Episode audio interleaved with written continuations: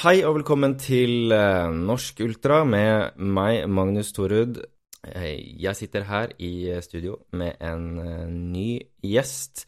Eh, Før jeg skal introdusere han, så tenker jeg bare å ta en liten status eh, på hvordan det går eh, i reisen mot eh, Finland. Fordi eh, når denne episoden slippes, så sitter eh, Jon og jeg på flyet til eh, Finland og Espo.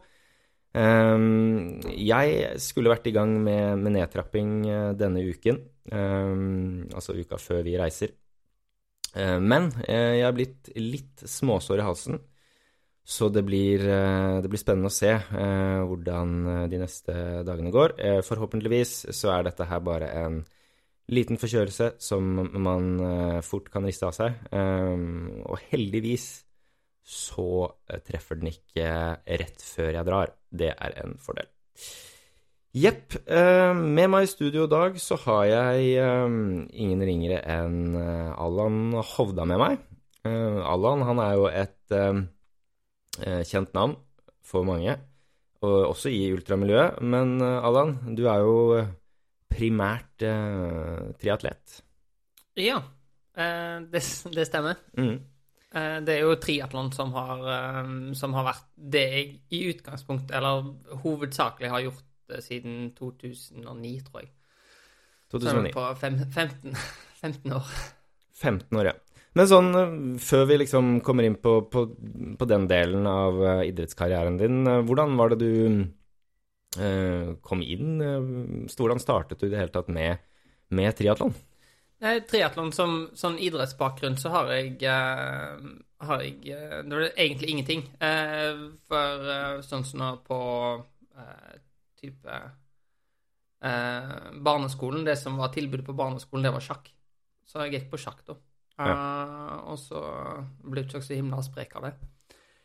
Men det aller gøyeste med sjakken var jo når du var ferdig og kunne ut og spille fotball. Så når jeg begynte på, på ungdomsskolen, så ble det fotball, og så ble det volleyball etter det.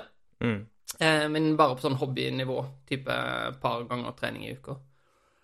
Og så flytta jeg til Oslo når jeg var 18, for da kjæresten min hun begynte å studere der. Og da måtte jeg finne på noe å gjøre, da. Eh, for, altså for å ha det miljø. For jeg jobba på oljeplattform da, som nå. Eh, og da får du ikke noe på en måte, du får, Venner kommer ikke av seg sjøl, da. Eh, så jeg begynte med kickboksing. Yeah. Eh, og det var noe som var veldig, veldig gøy, egentlig. Så det holdt eh, Det var det jeg gjorde. eh, helt til hodet ikke tålte lenger. Eh, så det Og det altså sånt at jeg hadde noen Jeg gikk kamper og, og sånt, og, og tålte rett og slett ikke slagene til hodet. Eh, så en, samtidig da så så jeg en, en video av Norseman Mm. i 2008, tror jeg det var.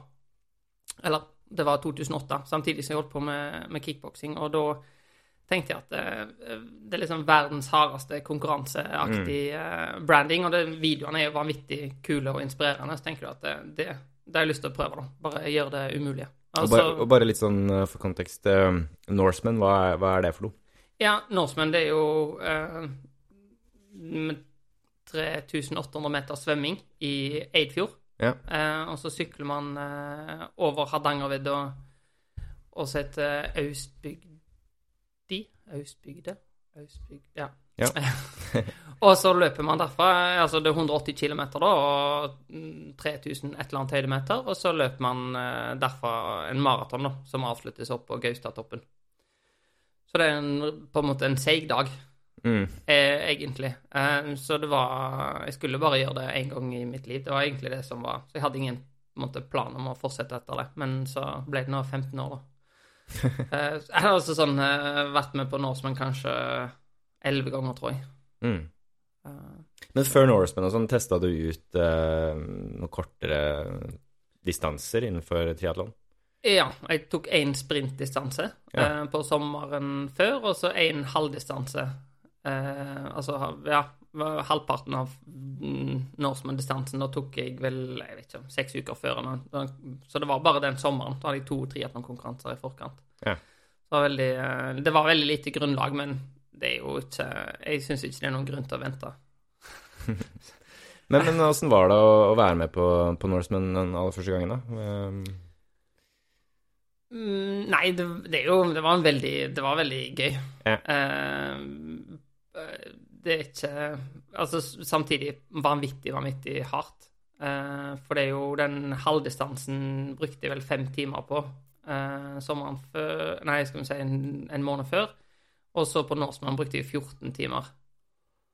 Eh, og sju timer på syklingen i liksom en temposykkel som var i utgangspunktet litt for aggressiv, da. Mm. eh, satt opp. Så, så du blir rimelig gående i korsryggen når du begynner å løpe der, så var det jo eh, at det Man klarte å fullføre, jeg tror Eller jeg kom på 44.-plass, da. Ja. Så det var jo ekstremt stort, egentlig. Og, og hvor mange er det som er med uh, der? 220. 220. Nei, 250. 250. Og da ble du nummer 44 den aller første gangen. Ja. Ja. Um, så det var jo Altså, det, jeg hadde tidsmål på 14 timer og brukte 14 timer og 18 sekunder, så det var jo på tidsmålet, men jeg syns forholdene var tøffe og var veldig, veldig, veldig fornøyd, egentlig. Mm.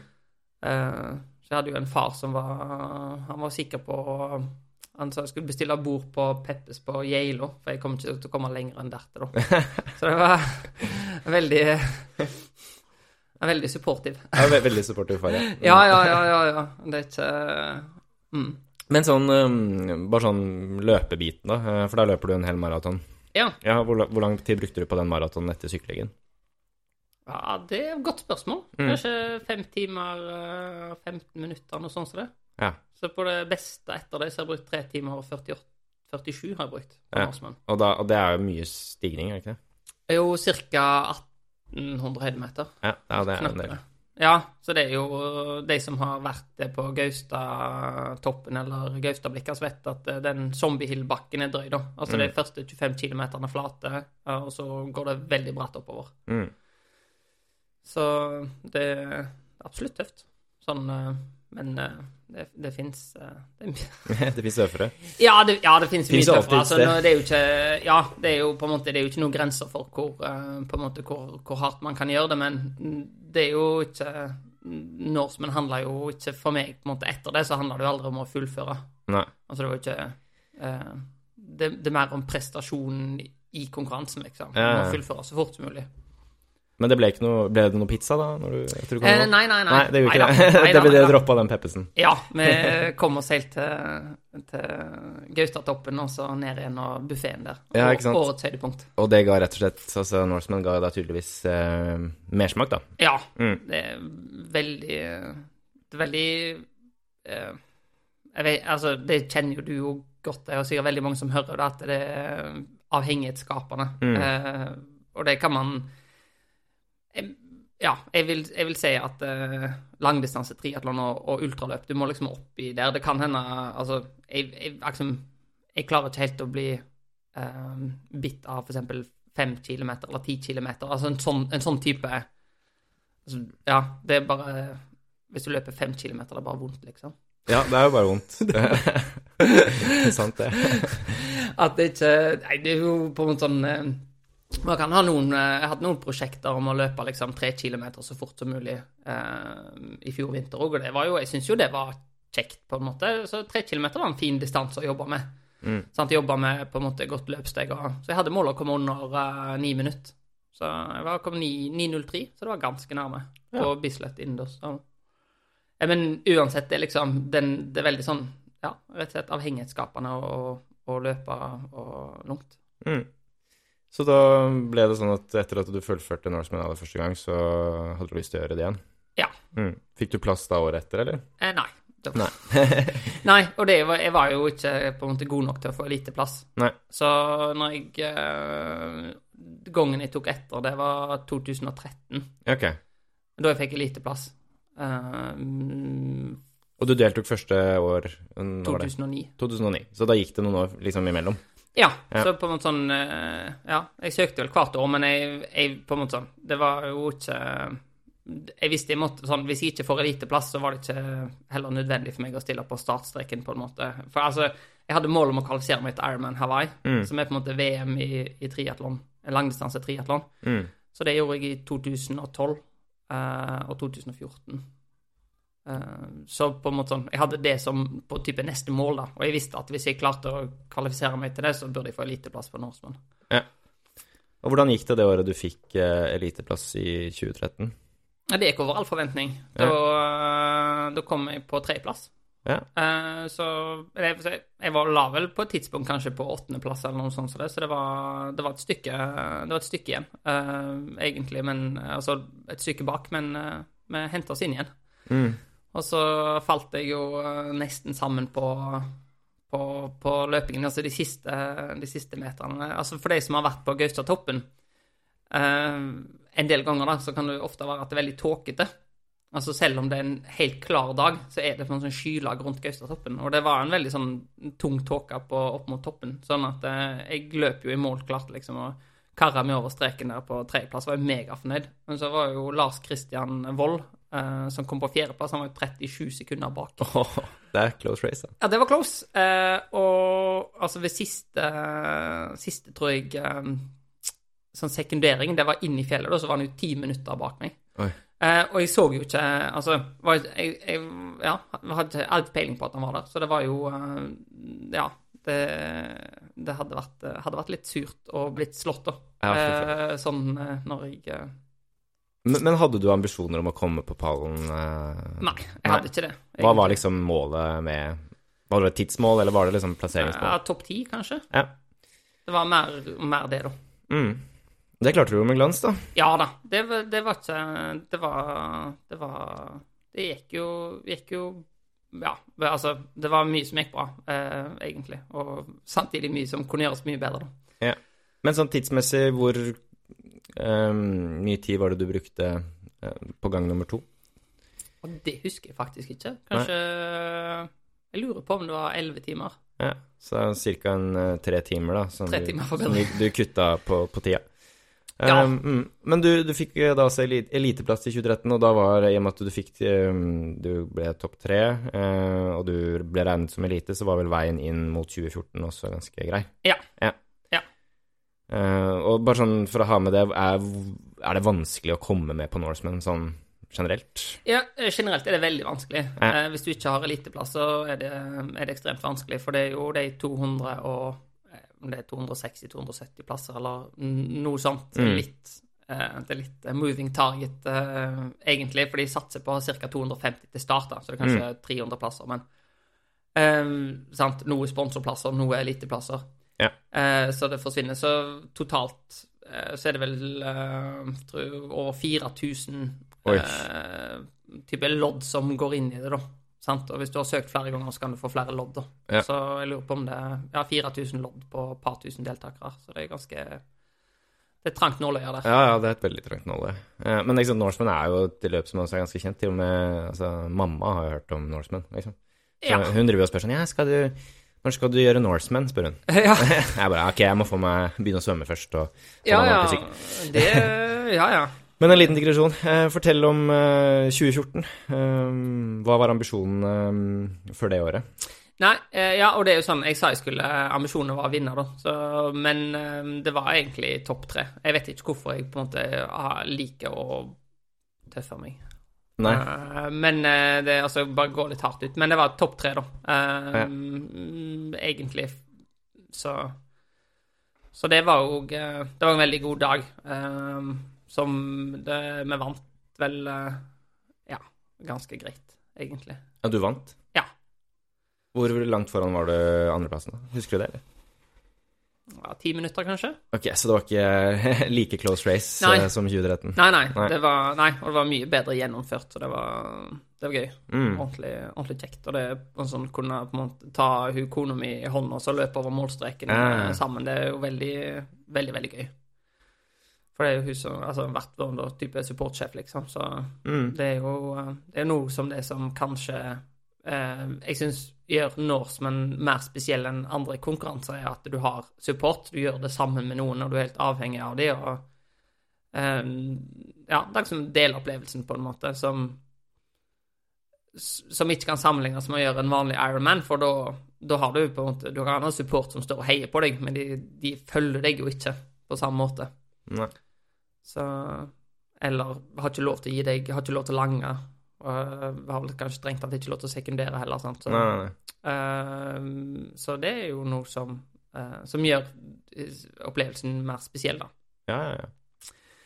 Men det er jo tydelig at liksom eh, du har blitt, skikkelig bitt av eh, basillen her, da, når du, du går fra da 2009 og en 44.-plass til å bli nummer tre i 2013 og vinne da i 2014. Eh, og Fortell litt sånn Hvordan var det? Er, det er den klassiske hvordan, hvordan føltes det å komme i mål? Eller, hvordan opplevde du den seieren? Nei, og, ja, og det er jo alltid, det er jo alltid vanskelig å på en måte beskrive liksom følelser og sette en følelse mm. opp mot en annen. Eh, og det var, det var helt fantastisk å, å gjøre det. Eh, samtidig som året før når jeg kom på tredjeplass, så hadde jeg ambisjoner om topp ti. Og det å på en måte komme på pallen var jo helt vanvittig deilig. Mm. Og første gangen når jeg hadde ambisjoner om sort T-skjorte, så må det være at du må komme blant de 160 første, og så mm. kommer du inn for 44 på en måte i en OK forfatning, så så nesten ikke Altså utrolig gøy alle gangene.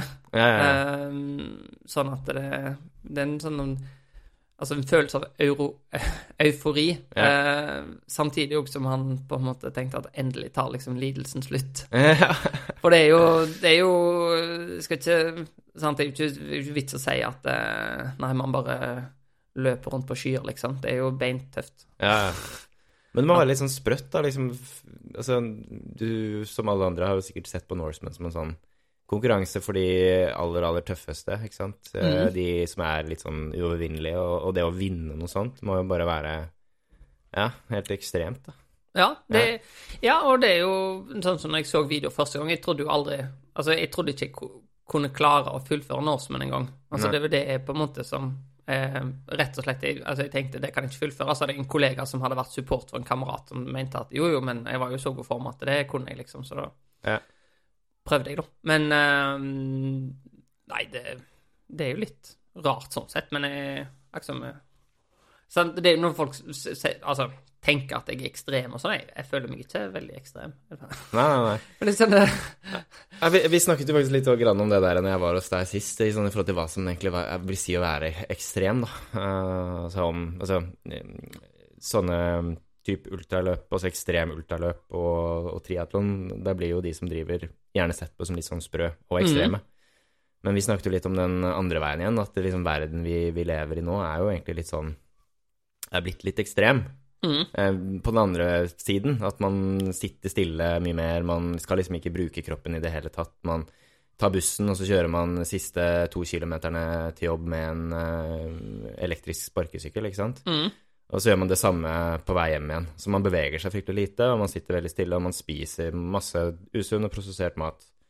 Eh, at det på sett og vis egentlig er litt mer ekstremt, da.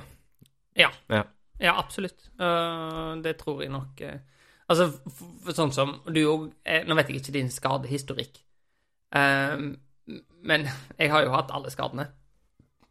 Altså sånn nesten som du kan komme på, på altså sånt, og det kan jo være sånn uh, runners knee, jumpers knee, senebetennelse i skuldrene, som jeg hadde fra type volleyball, kickboksing, uh, planta fasitt, betennelse i akilles, uh, noen sånne hoftegreier, betennelse i lysken hadde jeg Altså sånn masse Og det var sånn Ja, herregud, det kan ikke være sunt å løpe så mye, eller så. Det blir sånn mm. Jo, men det er jo Jeg kan jo ha Når jeg fikk sånn plantarfasitt, så, så ble det altså en, en ganske akutt eh, plantarfasitt uh, fem uker før norsmen, og så det er sånn OK, da jeg, Det var vondt å gå, da. Mm. Så da må gå så lite som mulig, og så må teipe den opp. Og så altså teipe opp foten òg når jeg sykla, og så svømme kunne man jo gjøre som normalt. Kutte ut gåing, så i den grad det var mulig, kutte ut løping. Og så etter ei uke så var det ikke smertefullt lenger, så begynner man å løpe. Kanskje kan begynne å løpe fem minutter, og så dagen etterpå eller et par dager etterpå kan du løpe kvarter. sant? Og så gjorde det at eh, Ja, det var den gangen på Norseman, eh, jeg tror 2015, der jeg løp fortest, da. Mm. Eh, måtte få meg hooka-sko da, for første gang for å på en måte avlaste, da. Yeah. Eh, men uansett så var jeg jo på en måte sånn lett å på en måte jobbe rundt det. Så selv om jeg har hatt det, så du bare å, du blir litt oppmerksom på det. Mens jeg har kollegaer som ikke trener noe, og så når de får senebetennelse i skuldra, hva skal de gjøre? De kan jo ikke roe ned. Nei. Sant?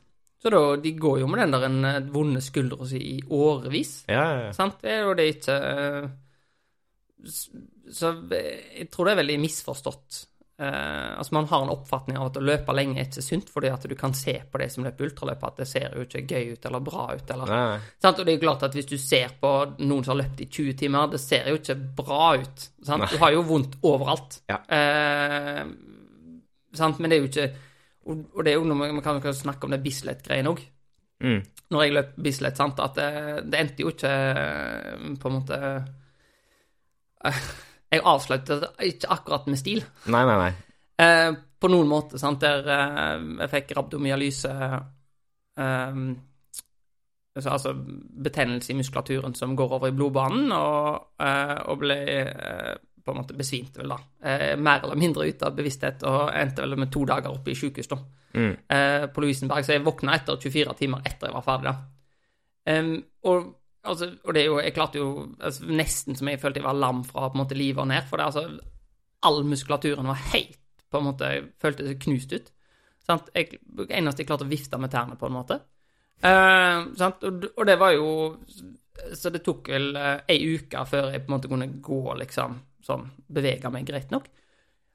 Sant? Og, men Det er jo Og- ekstremt ja, og det, og det er jo helt ekstremt. Og det skal jeg si at eh, eh, Poenget var at når jeg begynte å trene kanskje etter seks uker, da eh, Og aldri hatt så lenge treningspause siden jeg begynte. sant? Av dårligste formen jeg har vært i min voksen alder. Men tre måneder etter det, så på en måte har jeg jo, var jeg jo i bedre form enn jeg noen gang har vært i. Ja, ja, ja? Så den på en måte formen kom jo som eh, kula etterpå, så da kan det være at ja, jeg tok så lang pause at det var gunstig, da. Ja.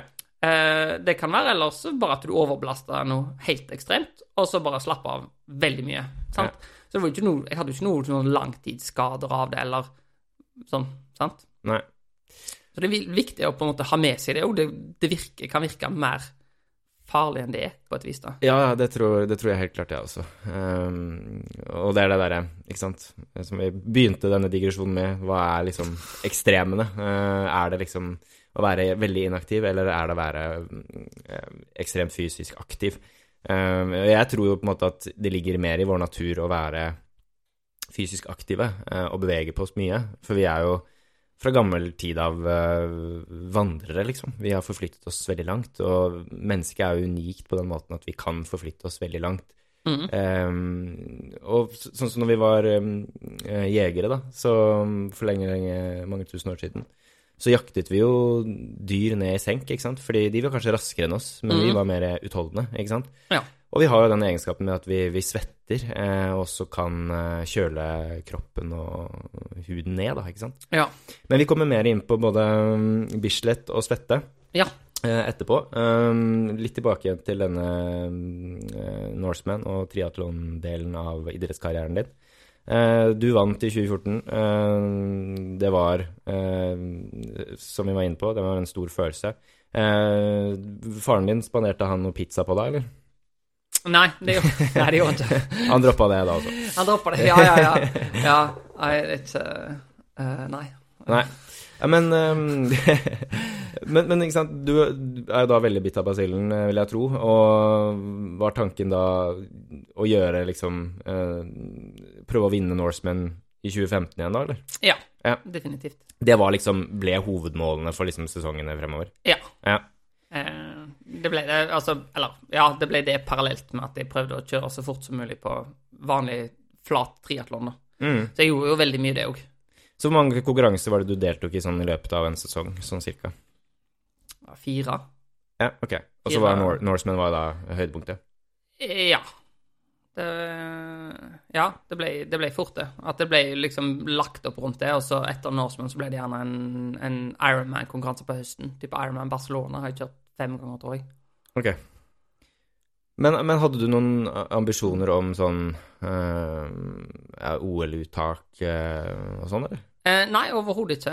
Eh, og det er jo det er to grunner til det. Én ting er at jeg ikke er rask nok, eh, og to at jeg har ikke interesse av det. Sant? Så da kan det hende at jeg ikke har interesse av det fordi jeg ikke er rask nok. Men det blir jo olympisk distanse, for de som ikke vet det, så er det 1500 meter svømming. Mm. Eh, 4, 40 km sykling, Mm. der du har lov til å ligge på hjul, da. Og så 10 km løping. Og da krever det at du er veldig, veldig god til å svømme, da. Ok. Eh, fordi at eh, du må henge opp med den første gruppa opp av vannet. Ja.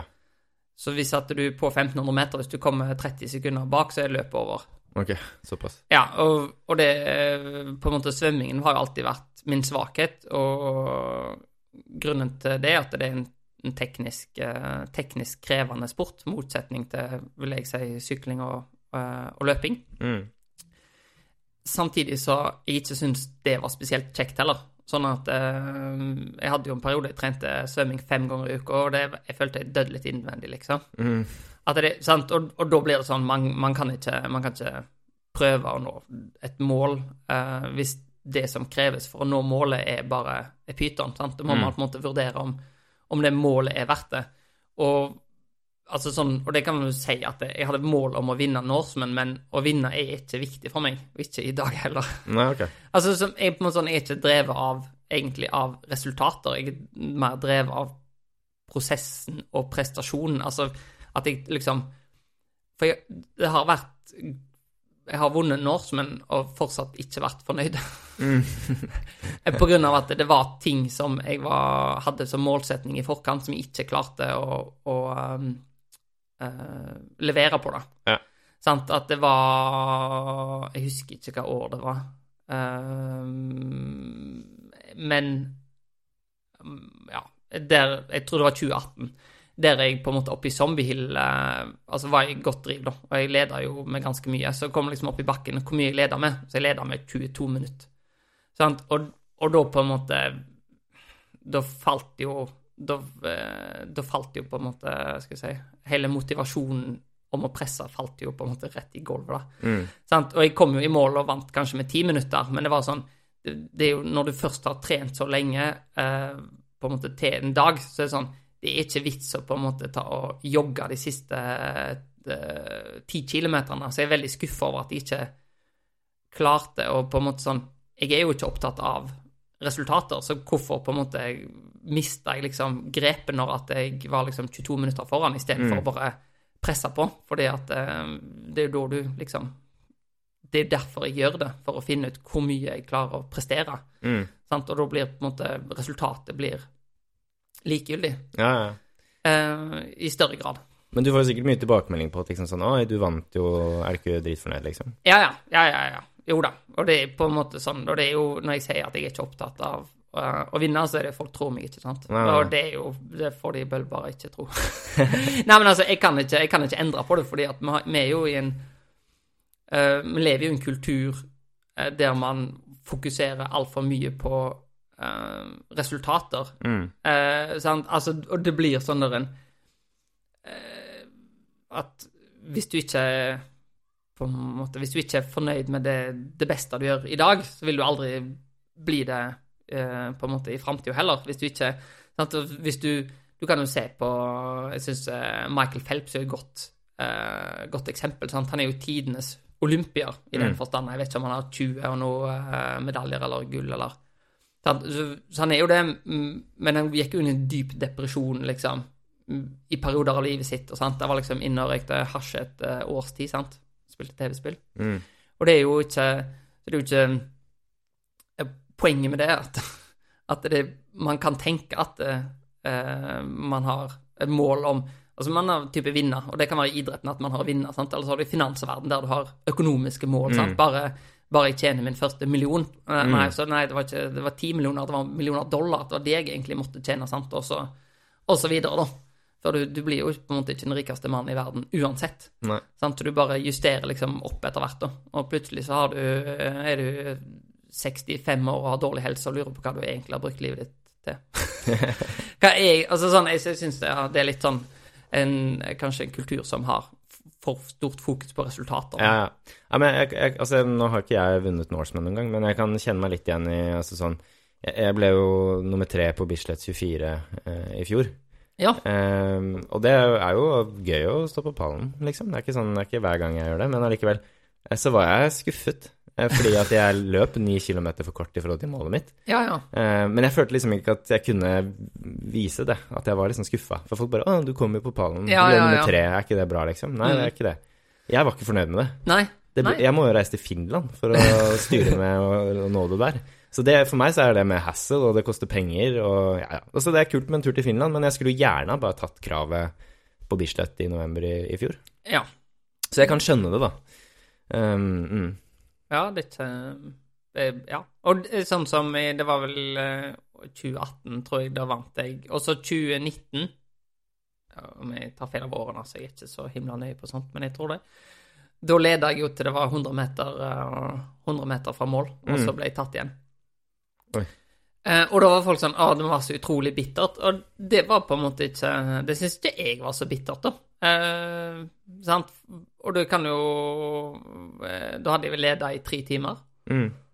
Uh, og jeg hadde tatt igjen han som Han som tok med meg til slutt. Jeg tok igjen han på, på flaten på, på løpingen.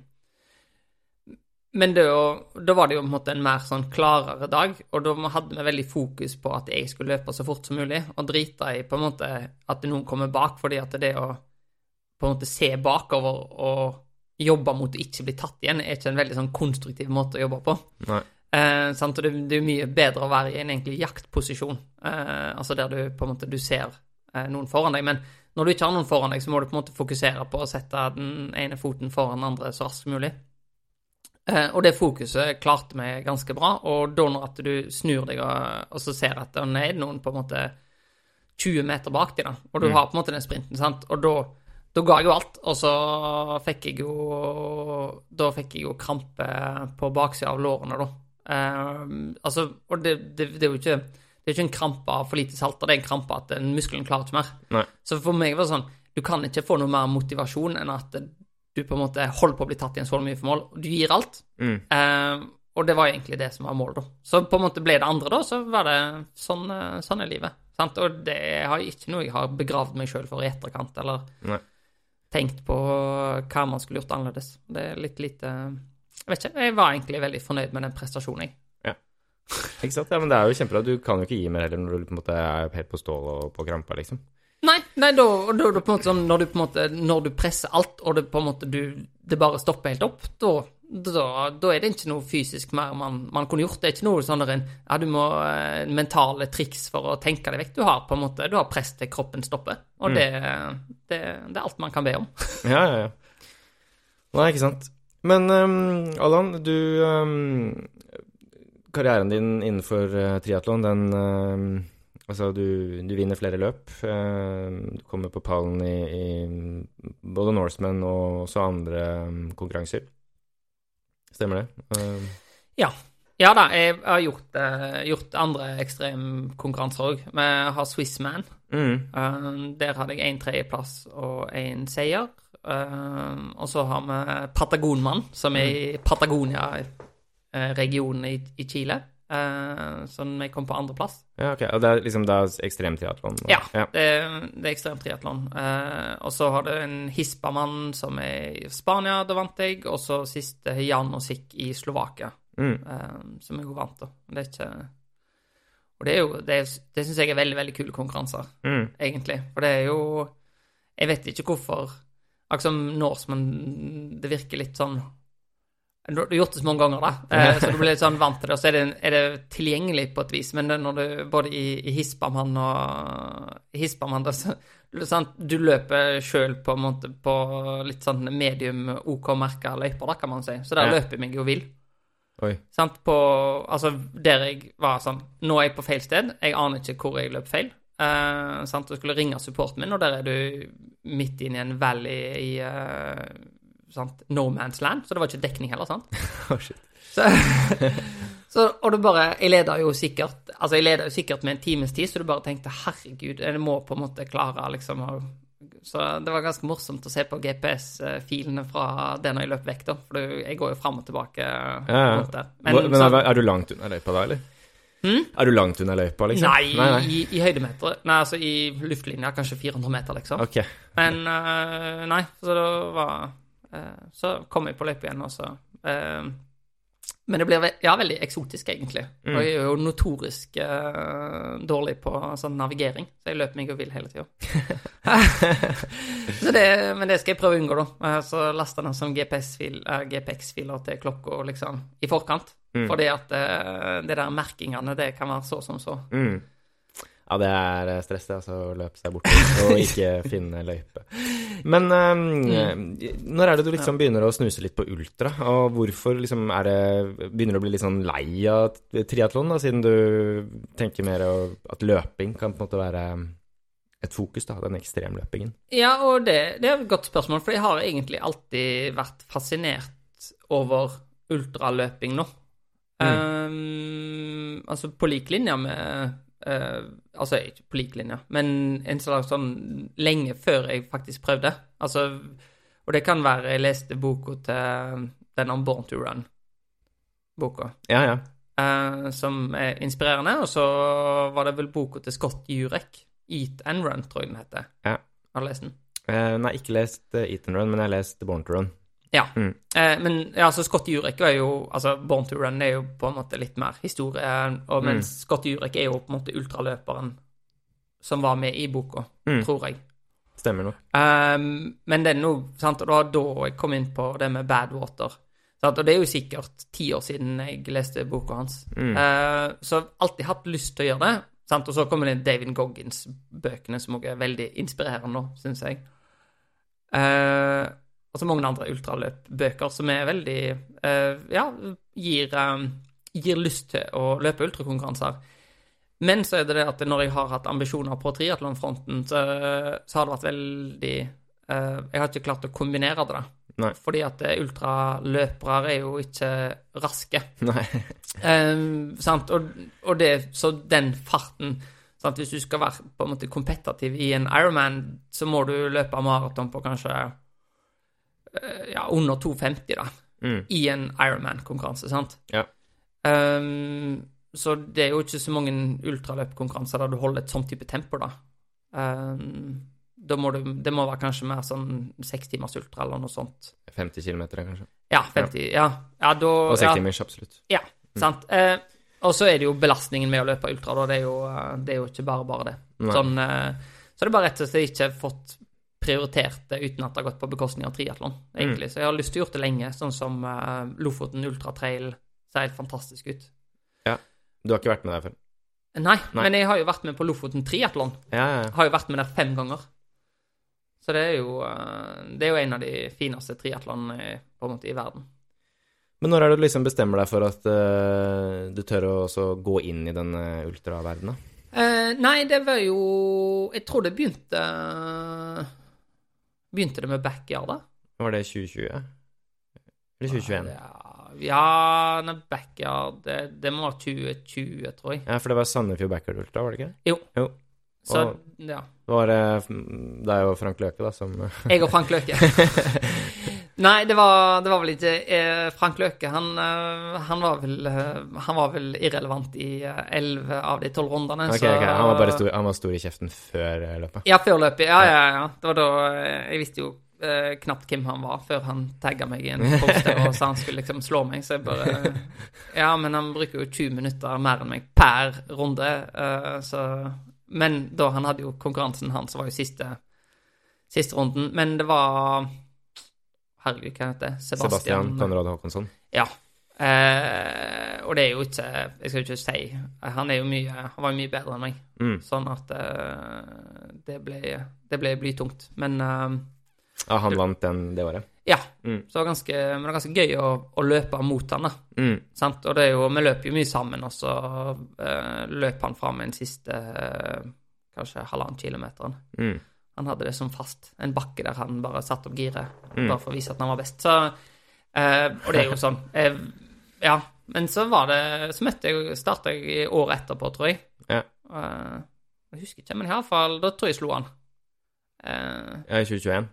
Ja, da, og da brukte du vel eh, Jeg tror du var med der da, og da brukte du løpet som en slags oppkjøring til Bislett 24, gjorde du ikke? det? Ja. ja. Ja, så, ja det var, så det var backyard, og jeg syns jo det er veldig, det er veldig morsomt, fordi at du kan løpe fort. Mm. Uh, så midt, midt, på tre fort, da. Så, mm. så iallfall jeg liker det, og så er det veldig sosialt i pausene, da. Ja. Uh, sånn, uh, så det er ikke sånn Du føles ikke ut som det er en lang konkurranse. Altså, nei, nei. du bare Jeg forstår ikke hvor tida går av, liksom. Altså, jeg har jo en drøy halvtime pause, men det føles ut som sju minutter. Mm. og så har jeg en sponsor som heter Baker Hansen. Uh, som bakerikjede. Som ja. har hatt i, i mange år. Og de sponset et løp som heter Soria Moria til verdens ende. Stemmer. Så den var jeg med på samme året som jeg løp Bislett. Ja, og, På hva er det? mai der. Mm. og da er det to distanser. Det er 100 miles og 50 miles. Ja, sant. Og jeg var, ikke, jeg var jo ikke trent for 100 miles, så det ble 50 miles med meg. Jeg var ikke trent for det heller. Men uh, altså, altså, jeg hadde så vondt i leggene at jeg måtte jo nesten rygge ned en eller annen bakke på slutten der. Altså, det var helt uh, Veldig, veldig sånn Det var på en måte over Altså, jeg var ikke, var rett og slett ikke forberedt på det, da. Nei. Eh, på på måte det å løpe i, uh, i bakker. Så uh, Så er det jo en del terreng. Ja. ja. Ja. Og det starter vel da på Så den 50 miles-løpet starter på Er det Hanekleiva Sande? ja, Ja, det tror jeg høres Og så går det til Vippefyret ute på Tjøme. Ja. Verdensende. Jepp. Mm. Men hvordan gikk det? Sånn, eh, altså ja, du måtte gå baklengs nedover, men eh, tid eh, Nådde du målet ditt? Ja, det, nei, jeg hadde bare mål for å Altså, bare for å fullføre, men fullføre Så det var en- Ja. Men så- var, dette her det, var det det andre løpet du gjorde, eller? Ja. Ja. Det kan være som nummer to, ja. ja. Og det Eh. her var også i 2020 eller 2021? Eh, 2021. Ja, 2021. Ja, det må ha vært det. Så jeg, ja.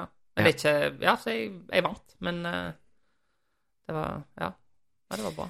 Men da har du liksom fått litt sånn smaken på det, da, og, og kjent litt på, på distansene. Du eh, har eh, konkurrert mot uh, Frank Løke og Ja. Sebastian Konrad Haakonsen. Mm. Og neste steg da er liksom et ordentlig langt løp, og det er da Bislett 24 2021. Ja. Det er NM også det året. Mm. Mm. Eh, men du er ikke påmeldt eh, Norgesmesterskapet. Nei da. Jeg visste ikke at det var norgesmesterskap. Nei, du visste ikke det, det. Nei. Det, det var noe de sa til meg under konkurransen. Ja. sa, du er ikke påmeldt NM, du? Nei, sa jeg det. Nei. Sikkert ikke.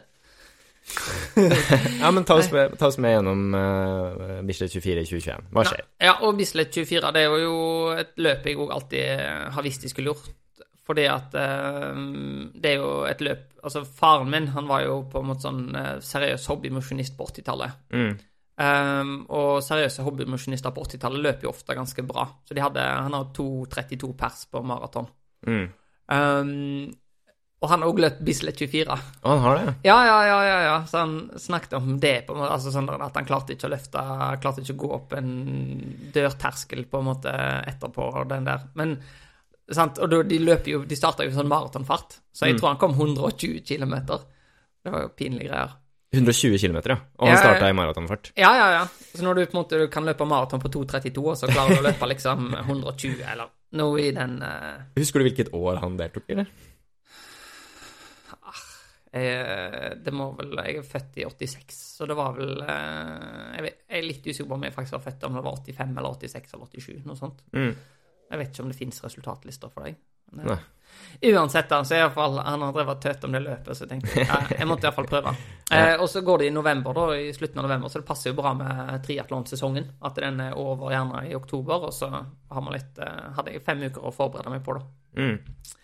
Så det var egentlig, egentlig det. At eh, jeg sa til treneren min, og jeg meldte meg på, nå om fem uker på oss, liksom, hva, hva klarer vi da? Så da var det fire løpeturer, da, på mellom tre og fire timer. Um, Fire timers løping.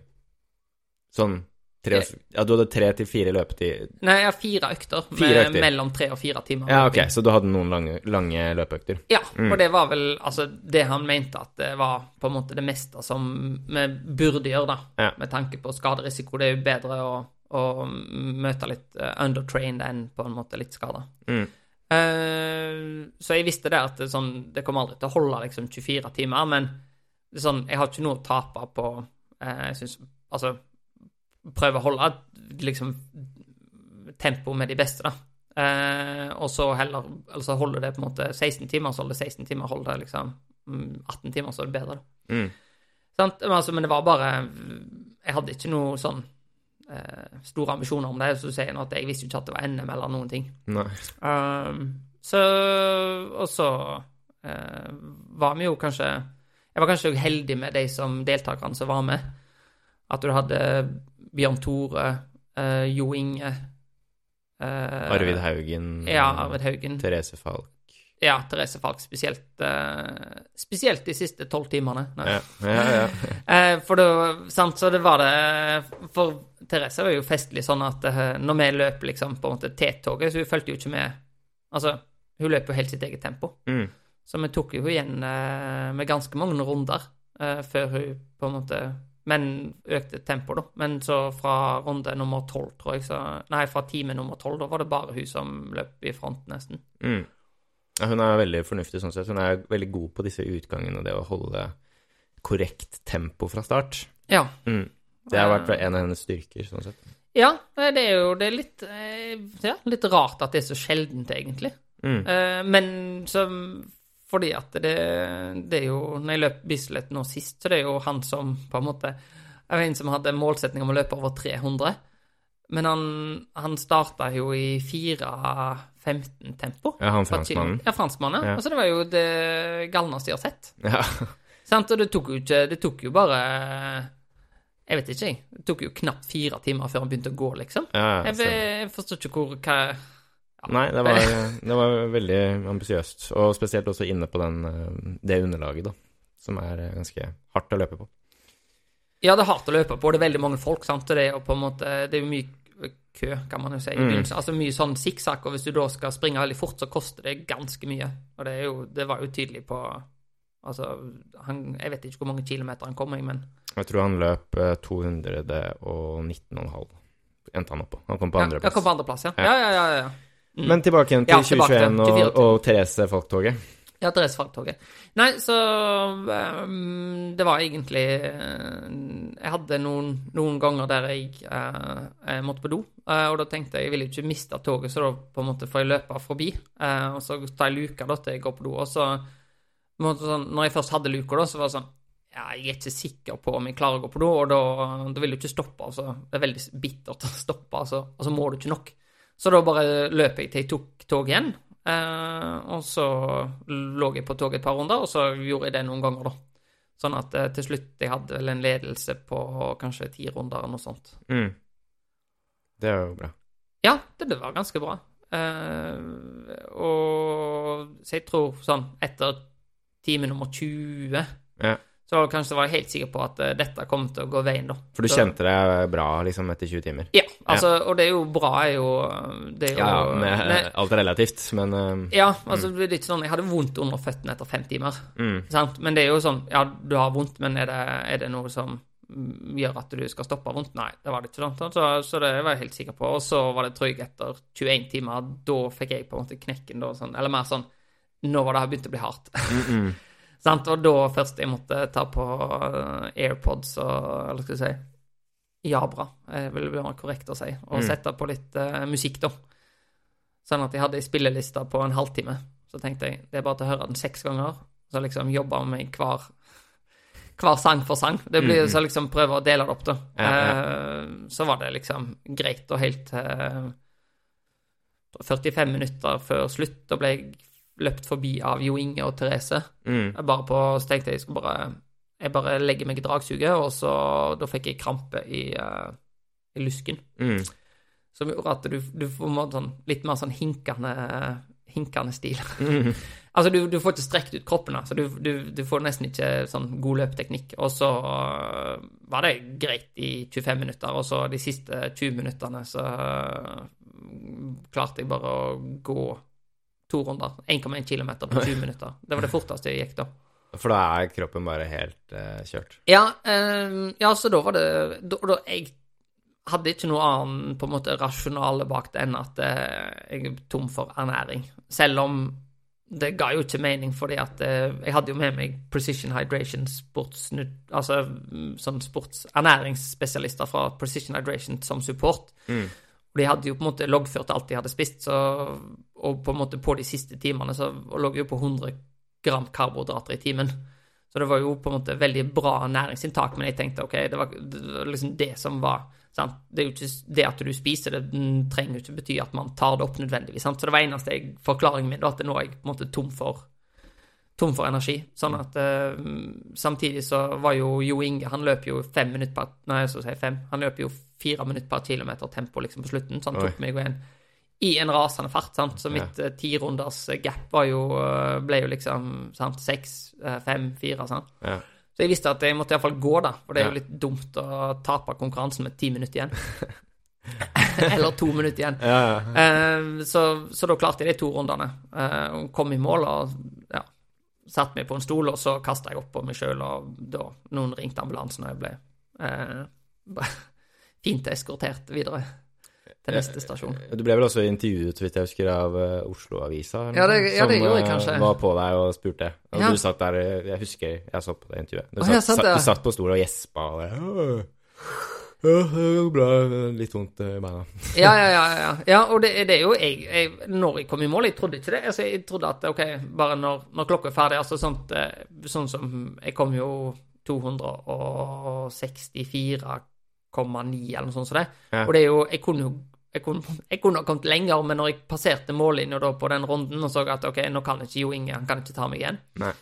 Og så er det liksom to minutter igjen av konkurransen, så kan jeg velge om jeg vil gå liksom 200 meter ned i porten her, og da må du jo vente der til de kommer og måler opp, da. Eller, Ja, ja.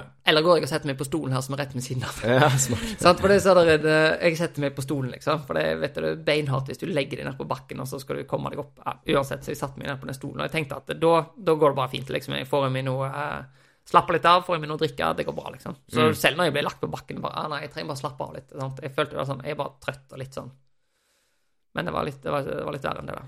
Ja, Da ble, da ble du altså hentet av uh, ambulanse? Ja. ja. Hvor mye er det du husker liksom av det? da? Er det fordi du, du sov eller var liksom nesten bevisstløs eh, 24 timer etter? Ja. Nei, jeg, jeg husker veldig lite av det, fordi at som, Det var jo kona mi som veldig imponerte, for hun kom jo den siste halvtimen eh, med ungene. Mm. Og liksom skulle kikke på og heie på, sant. Og da var jo de fleste på konkurransen og har jo fått en veldig sånn medvind og veldig i gir. Eh, jeg var veldig ikke i gir. altså alle, Da løper alle, men ikke du. Ja, alle, da løper jeg. Så jeg har vært eh, Supermann i 23,5 timer, og så, Mm. og, og så kom Jenny. Nei, og da eh, Så hun, hun var jo eh, Hun var litt kritisk til at det tok veldig lang tid da, før ambulansen var på plass. Hun mente det tok en halvtime, sant. Og Ja. jeg tenkte å, en halvtime, ja. Jeg, I min hukommelse så var det fem minutter, liksom. Mm. Sånn, så det var på en måte nok inn og ut av bevissthet eh, en del, da. Og så fra jeg kom ble, var i ambulansen, så, så husker jeg ingenting før at jeg våkna etter 24 timer. Så da våkner du opp på sykehus. Ja, da våkner jeg på sykehus.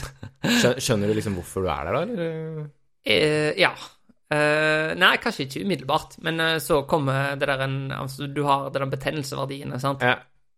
Så normalt da for en i min alder da skal det ligge under 400, da.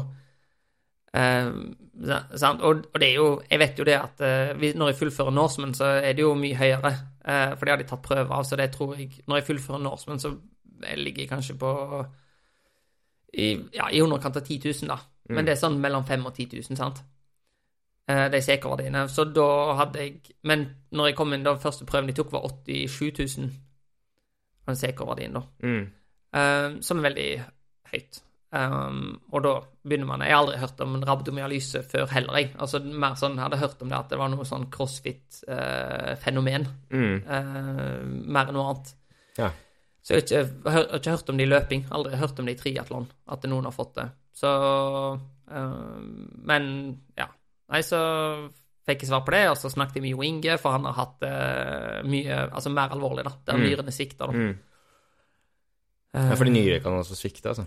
Eh, Ja. Ja. Så det er vel det man er redd for, da. Um, at nyresvikt, at det, altså betennelsen i musklene så på en måte går utover blodbanen, og så klarer ikke nyrene å håndtere det, da. Nei. Men jeg hadde min høyeste verdi på, en måte, på første måling, og så gikk det bare nedover. Så når jeg ble skrevet ut, så var det 20 000, da. Så det var så veldig høyt, men nyrene svikta ikke. De bare, eh, de bare trengte litt tid for å håndtere mengden. Men, men hvor lenge var du på sykehuset? Nei, to døgn. To døgn, ja. Ja, så jeg kunne, jeg kunne fått et tredje, men um, jeg er ikke så glad i å ligge på sykehus, Nei, nei, kan man si. Så det var for en gåstol. Jeg fikk sånn en uh, gåstol, uh, men den kunne jeg ikke ta med meg, da, for da, da må du eh, Ja, det er jo sykehuset sin, så da måtte jeg bare legge meg inn i en taxi. Jeg, jeg tror jeg lå i, lå i baksetet, jeg. ja. Og så måtte jeg få Jenny til å hjelpe meg å gå inn i leiligheten eh, etterpå. Og det, det her er da altså to døgn etter du er ferdig? Ja, ja. Ja. To døgn. Da, Ja, og da, da pleier i hvert fall jeg å kunne gå ganske Altså, jeg kjenner det jo, men jeg kan f gå ganske greit eh, etter to døgn etter jeg løp ut. Ja da, ja da. Og det er jo eh, Jeg fikk jo melding på sykehuset da av kona mi bare så Therese Falk løpe forbi. Ja, litt sånn eh, Ja, eh, så, så grei steg ut. så ja, altså, det var jo selvfølgelig mange som tøysa med det, at det, det gikk Altså, gikk såpass hardt utover. Men det er jo sånn, jeg var ikke trent for det. Nei. Men igjen, du skal jo ha du, Det her er jo da De 264,9 km som du løp, er jo norsk eh, bestenotering. Mm. Mm. Så Ja, det, er, det er jo kjempebra. Og du hadde jo Det hadde jo blitt NM-gull òg, hvis du hadde vært medlem av en uh, klubb som var tilsluttet Friidrettsforbundet. Ja. Mm. ja da. Altså, det, ikke, det var jo overall forventning, så man må jo ta litt mer det. Så jeg er veldig fornøyd med det, egentlig. Det Ja, det, det hadde jeg også vært hvis det var mitt første 24-timersløp og jeg løp inn til eh, ny norsk bestenotering. Mhm. Mm. Ja. Jeg er så veldig imponert over det, altså, Allan. Men eh, ja, hva tenker du liksom da? Du, har- du har vært på sykehus i to dager, og så eh, klarer så vidt å gå, blir henta av taxi. Eh, tenker du liksom at eh, ja, dette her skal jeg gjøre igjen? Eller ja. skal jeg bare fortsette å, å drive på med Norseman og triatlon? Nei, nei, nei. Det, jo- man får jo en tanke om at man skal gjøre det igjen. Mm. Eh, for det Eller jeg vet ikke, jeg hørte på Det lange løp, eller jeg hører på det av og til. Og de var jo sånn når en på en måte Det ble nevnt, liksom. Og så tror jeg han Christian presterte å si noe sånn når en Ja, men jeg vet ikke om Han havna jo på sjukehuset, vet ikke om han kommer opp til å prøve det igjen, liksom. Og så jeg tenker sånn ja, Du har trent for det, liksom eh, Trent for det i fem uker. Ja. Eh, tar norsk bestenotering, og så avslutter jo For det hadde jo blitt eh, 270 om jeg hadde bare ja, ja. stått distansen ut. Altså sånn, Det var det som liksom Vi lå an til litt mer sånn. Mm. Eh, og det, det er klart at det, det er jo ikke mitt maksimale potensial, eh, den, eh, den distansen. Altså, jeg, jeg kan jo gjøre det mye bedre, tror jeg sjøl. Mm. Og da er det jo veldig kjekt å Uh, Altså, sånn, det er alltid lett å si, men da du må jo på en måte gjøre det. Mm. Sant? Og det er jo liksom det å få ut på en måte potensialet som på en måte Det er mye av det som driver meg, så jeg tenkte jeg definitivt gjøre det igjen og, og gjøre det bedre. Ja, ja. Men jeg husker også, altså, i forbindelse med den eh, episoden du nevner i Det lange løp, eh, at det gikk, det gikk litt sånn rykter i miljøet, husker jeg. At liksom, mm. du hadde kjørt deg helt ned, og Ja, sånn, at eh, du hadde ødelagt deg, rett og slett. Ja, ja, ja. Nei da, men det er ikke Og det, det var litt sånn Jeg skrev om på en måte en blogg som jeg ikke har skrevet på på mange år, men det var en ganske mye lest blogg, så den har jo et par millioner treff. Oi. Og, eh, og der jeg skrev et blogginnlegg om at eh, det gikk jo veldig, veldig bra etterpå. Mm. altså sånn Sett liksom Når den, de fire ukene var over, og du liksom, jeg begynte å trene igjen Altså formen helt i bånn, men altså bare det at den kom så utrolig fort tilbake, da Mm. at eh, jeg syns det er litt dumt at fokuset blir at det er skadelig. Mm. Sant? Og det måtte jeg jo sjekke det før neste, når jeg løp Bislett i fjor, at eh, sånn med tanke på kona mi, som er litt bekymra Mm. for at de skal dø, sant. Eh, at det det er ingen som har dødd av rabdomyalyse i sånn ultraløp, da. Nei. Så det er ikke Altså sånn Definitivt hvis at du er et ultraløp og du, du tisser eh, mørk, altså svart eh, type urin, så er det, da har du fått rabdiomylyse, eller et tegn på rabdiomylyse, og da bør man stoppe. Ja. Altså sånn, Jeg kan ikke anbefale folk å fortsette, men det er ikke sånn at man trenger å frykte det nødvendigvis. Uh, sant? Og det er jo alltid bedre å være uh, på en måte forberedt til oppgaven, men Ja. jeg, jeg vet Altså, det er sånn Hvis du har Har du lest noe Dave Goggins? Mm, lite. Men jeg har selvfølgelig hørt mye om han. Ja. Ja. ja, sant. Så historien så er den veldig inspirerende, men han er mer sånn Ja Knekt sånne sånn brudd i eh, Brudd i leggen, liksom. Ja, da bare teiper vi opp med gaffateip, og så tar vi på oss militærskoene og så bare kjører på. Sånn. Jeg vil si nei, ikke, ikke Har du fått noe brudd, eller har du på en måte en skade, så bare stopp, og så la den bli bra, og så fortsetter man neste gang, sant? Mm. Men det er selvfølgelig, du må jo liksom Har du fått, det, har du fått uh, gnagser eller blemmer på tåa? ikke stopp. Det bare Sant? Du må liksom ha en slags sånn der en eh, Gjør man noe Mm. som, som kan gi permanent skade, så burde man tenke at man stopper det. Ja, ja. Litt mer sånn Mens det skal veldig mye til. Det skal jo det. Og jeg, jeg tenker liksom sånn Det er jo en del av de som løper 24-timersløp på Bislett, da, som også gir seg ganske tidlig og skylder på en eller annen skade, da. Men Ja. gjerne så er det jo mer kanskje vondt i viljen enn det er en eh, faktisk skade. Ja. Men det skal det jo sies at det var faktisk også en som havnet på sykehus uh, etter Bislett i fjor med rabdomyolyse. Eh, Ja. Han ga seg vel etter 14, nei, 18 timer, Ok. men så ble han skikkelig dårlig. Han ble også henta av sykebil. Ja. Så det hender jo at det er noen som blir kjørt eh, derfra eh, Ja. inn på sykehus. Men eh, 2022, eh, etter dette Bislett-løpet ditt, eh, gjorde du noen flere ultraløp da, eller? Mm, ja, da tror jeg gjorde gjorde 2022. Soria Moria til verdens ende på Mm. nytt.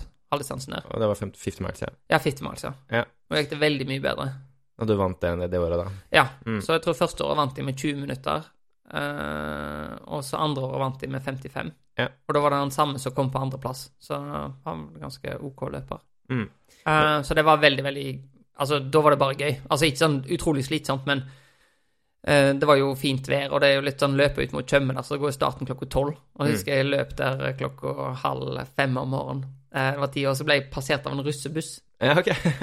Eh, det gjorde ingenting, altså de bare passer, altså det var med russebuss, så kjørte vi med full fest. Ja. Og så tenk- og så tenkte jeg faktisk, å herregud, fy faen, glad det ikke er meg, som liksom er drita full klokka halv fem om morgenen, liksom. Ja. Og så tenkte jeg, jeg tipper de fleste heller ville vært på russebuss enn å liksom ha løpt eh, 60, altså enn å løpe liksom, da 50 miles løp liksom, som Ja. begynner klokka 12 om natta. Altså, det, jeg tok jo ikke den før på en måte litt ut i løpinga, tenkte jeg. Og ja, det er jo jeg som er på en måte tullingen, det er jo de som De syns vel sikkert litt synd på deg. ja, det, ja, de ville sikkert tenkt at De var herregud. veldig fornøyd med den øl, posen med øl og Ja. den promillen de hadde i, i den bussen. Ja, ja, ja. ja, ja. Det, men det å løpe ut til Tjøme, og så får du soloppgangen, og så Det var bare helt nydelig. Ja, ja, det er et fantastisk løp. Soria Moria til verdens altså, så det kan absolutt anbefales. Men du Eh, har løpt eh, 100 Jeg har løpt, um, jeg har løpt 100 miles der. Eh, Jeg har vært med tre ganger oh, eh, i konkurransesammenheng. Eh, Gjennomført to ganger og brutt én gang. Ja. Og så gjorde jeg det under pandemien 2020 sammen med Therese Falk, Henriette Brynte og Liss Johansen Vallestrand. Å ja, sant, ja. Vi, vi løp en sånn eh, på egen hånd, fordi, Ja. fordi at konkurransen var avlyst. Så Ja. da um, det var sånn Vi, vi gjorde avtale med bensinstasjoner og Ja. Jeanette Vika på veien da, for å få mat og diverse underveis. Ja, kult. Så det er jo et veldig, veldig fint løp. Eh, men så har jeg blitt litt mer glad i eh, asfalt og Mm. eh, flata med årene. Så jeg har liksom spisset meg litt mer inn på disse 24-timersløpene, da. Ja. Men ja, du, men det var primært SMV du gjorde 2022. Ja. Og så var det en del triatlonkonkurranser også. Ja. ja. Um, men uh, så kom vi inn mot eh, 2023 igjen, uh, og fjoråret. Og da har du noen planer for 24-timersløp igjen? Ja. Ja, Ja, Fortell. ja. Hva, hva skjer? Hva det du, du er med på Bislett, er det ikke det? Jo, Mm. og det, jeg hadde Bislett 24 igjen, og denne gangen var jeg mye bedre forberedt, da. Mm. Eh, øh, Syns jeg, altså. Bedre grunnlag, og så hadde vi vel, tror jeg, ti uker med spesifikk ultraløpetrening, da. Ja. Uh, og det Altså, det ble fortsatt, fortsatt mye sykling uh, når jeg tar Fordi at jeg tåler ikke Det, det begrenser hvor mye Hvis jeg trener løping fem timer i uka til vanlig, eh, så økte vi vel det til knappe ti. Mm. Sant? Og da er du på en måte i utgangspunktet stretching it. Men jeg trener jo ca. 20 timer i uka. Så sånn på det jevne. Så Så, så da har du ti timer løping. Hvor mye sykling har du da, hvor mye svømming? Eh, nei, så nå har jeg ikke svømt, egentlig. Uh, Pausesvømmingen. Så jeg har sånn tørrlandssvømming. Ja, Ja, ja. Svømmespesifikk styrketrening, så det er kanskje uh, to timer i uka. Okay. Så da blir det kanskje Ja, vi er vel kanskje mer på ja, ni timer sykling, ni timer løping, noe sånt. eh. Mm. Eh, Så da hadde vi i hvert fall en, en periode som var veldig eh, Altså trent mye mer løping, da. Ok, og så, og så to timer tørrtrening. Ja, altså svømme... Med svømming. Altså, ja, du, Er det derfor det heter tørrtrening? Ja, altså du står på land og trener med strikk, liksom. Ja, okay. Eller skal man stå i en sånn der en ski... Uh, skiørg. Ja. Uh, altså stakemaskin, Mm. heter det vel. Uh, så ja. Det var egentlig Det var egentlig oppladning mot det, da. Så da hadde jeg vel en målsetning om å løpe 2,80. Uh, Ja. jeg vet ikke hvor langt jeg kom, jeg, men det var vel Var det 80, eller var det 70? Det var, liksom, det var ganske kort. Ja. ja, fordi du åpner jo også ganske Altså, du er ikke den som åpner hardest. Du var inne på denne franskmannen. Han, Ja. eh, Jeg husker ikke helt hva han heter. men Han har også løpt over 270 km tidligere. Ja. Eh, Han åpner ganske hardt, og så har du Er det ikke en eh, Nei, det var dere to pluss en løper til, var det ikke? Som Jo, gikk ut i etapp? Jo, Det var en eh, Ja, husker ikke. Han um, Stord uh, Ja, stemmer det. Um, Hva han heter Eirik? Ja, det er noe sånt. Mm. Jeg kan ta seg og legge med resultatlista i, i shownotes. Men uh, Ja, for han, han jeg løper med, men altså, franskmannen løper jeg aldri med.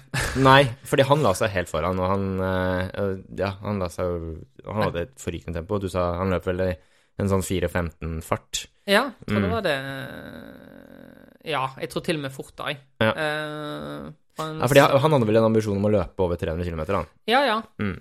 Ja, og det er jo Jeg er litt sånn overraska når jeg ser på den pacingen generelt, men du har jo han uh, Sorokin Altså For meg så ser det ut som han er veldig dårlig på å pace, han òg, men Mm. eh, han Mm. har jo løpt eh, 319, da, så det er jo det er vanskelig å på en måte si imot det. Det, det jeg lurer litt på, rett og slett, er om altså, at folk kommer inn på Bislett og tenker at de har GPS-signal, og at de kan løpe på klokka. Ja, sånn, ja. Uh, så det, det er det jeg tror. At du, du kommer dit og så bare Oi, nei, jeg har ikke signal. Og så Ja. driver den bare klokken og estimerer. Så jeg tror du i større grad må føle deg litt fram da, på fart. ja. Uh, og det tror jeg ikke det er alle som vet. Nei. Eh, og jeg tror det er derfor han åpner litt hardt. Fordi han er jo relativt rutinert, og hvis du har løpt over 270, Ja, så burde du jo kunne leksa di, sånn sett. ja, ja du, man, man skulle tro det. Mm. For det er sånn som Ja, på Bislett så er jo Jeg har jo det, eller jeg har et Excel-skjema da, sånn du har på en måte om hva rundetid, hva det utgjør i fart, liksom. Sånn Mm. at det var jo rundetid som styrte. Og jeg skulle ligge på rundt eh, 4.30, eller ikke raskere enn 4.30, da. Ja. Så Så du, men du åpner i riktig fart, og du holder vel også det tempoet ganske greit. En, Ja. Eh, er det vel en fem-seks timers tid? Ja. For jeg mener å huske det, jeg var jo med selv også, og husker liksom at eh, du holdt eh, jevnt driv. Virka eh, absolutt i slaget, da. ja. Mm. Men du hadde da en liten sånn Ja. rus, rusk i systemet? Ja, jeg var, ble litt sjuk kanskje fire dager før konkurransen, nå.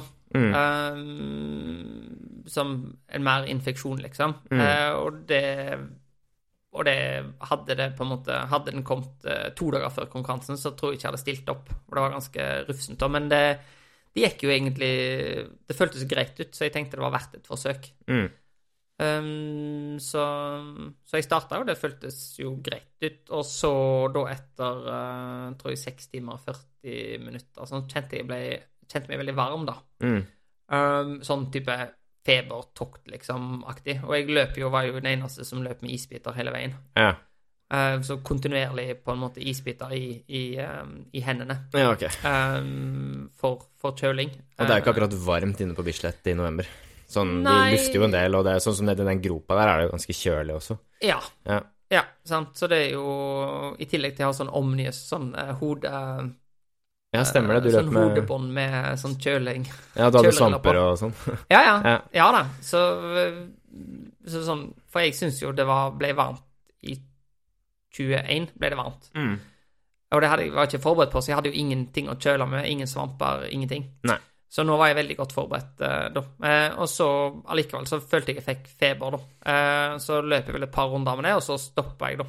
Eh, bare for å på en måte få kjøla meg ned, og så når jeg da eh, prøvde å på en måte komme meg i gang igjen, da, så var lårene altså såpass stive i lårene at det var helt umulig å løpe. Ja. Så det var altså sånn Så jeg gikk jo kanskje liksom prøvde å gå for å se om det kunne løsne, og så gikk jo sikkert i halvannen time. Ja. Og så prøvde jeg å løpe litt, da, men jeg klarte jo ikke å løpe fem meter en gang før det Altså altfor vondt, da. Nei, ikke sant. Og da, da var det ikke noe poeng eh, å fortsette, rett og slett. Nei da. Og, nei, og det er jo på en måte Ja, sant. Og jeg løper jo òg med en sånn core-temperatursensor. Eh, så jeg ser jo ikke på den underveis, men jeg så den etterpå. Da kunne du se at den, jeg hadde en temperaturøkning, nå. Og, og det var jo en risiko jeg var veldig klar over at det kunne være, men jeg tenkte det var verdt å forsøke. Men når du da på en måte Du da ja, får feber, da, så etter time nummer seks er det ikke vits å fortsette de siste 18 timene. Nei, nei, nei. Uh, Iallfall ikke altså, Og da altså, hadde jeg stoppa, og så hadde jeg gått en time, og så hadde det føltes greit ut, sånn at de kunne jogge, så hadde jeg fortsatt. Det var jo ikke noe Det var ikke sånn ja, om 280-målet ryker, da, da er det bare til å drite i det, liksom. Jeg hadde jo Altså, hadde jeg på en måte løpt og kommet over 200, hadde det vært liksom noe greier, så hadde jeg jo eh, gjerne gjort det. det Så, ikke- så du hadde fortsatt hvis du hadde kjent på at du kunne nå over 200 km? Ja, eller altså bare e Egentlig hvis jeg bare kunne løpt. Ja. Altså, men det er sånn eh, Sant, men altså at det hadde vært liksom løpt, og det hadde føltes greit ut for kroppen. Men hvis at du på en måte må gå Det var jo til og med litt grann vondt å gå. Mm. eh, så Ja, ja. trenger man ikke liksom gå 18 timer i smerte, liksom. Nei, nei. er med en kropp som er litt syk. Så det er egentlig Ja. det det, det er jo synd at, syns jeg, når at det tre stykk som flyr fra England eh, til Oslo for å på en måte følge meg opp, da. Eh, sant. Det var det var litt Vi hadde håpet på litt mer enn det. At de skulle få litt mer data å gå ut ifra og, Ja. og den biten der. Eh, men det er ikke noe jeg, sånn, jeg kunne ikke gjort noe med det. Nei, nei, nei. Altså, sånn er det jo, liksom. Uh, og jeg tenker at det var fornuftig av deg. Jeg, jeg mm, husker også at jeg syns at du så varm ut ganske tidlig. Når du begynte liksom å løpe. For du begynte å løpe med svamper ganske tidlig, Ja. minnes jeg. Ja. og det, det, du så litt varm ut, rett og slett. Ja. Eh, ja. Nei, men det, det blir sånn eh, Jeg vet ikke, når man har gjort det i så mange år, så det som jeg sa forrige gang altså det er sånn, I begynnelsen, før jeg hadde brutt noe som helst, så var det liksom heller death before DNF, liksom. Altså sånn, det bryter, det gjør man bare aldri. Sant? Og så, første gang jeg brøyt, da, fikk jeg jo innvendig eh, blødning i lungene på Norseman 2016. Sant? Og da, da kom han til at eh, jeg fikk det jo på svømmingen.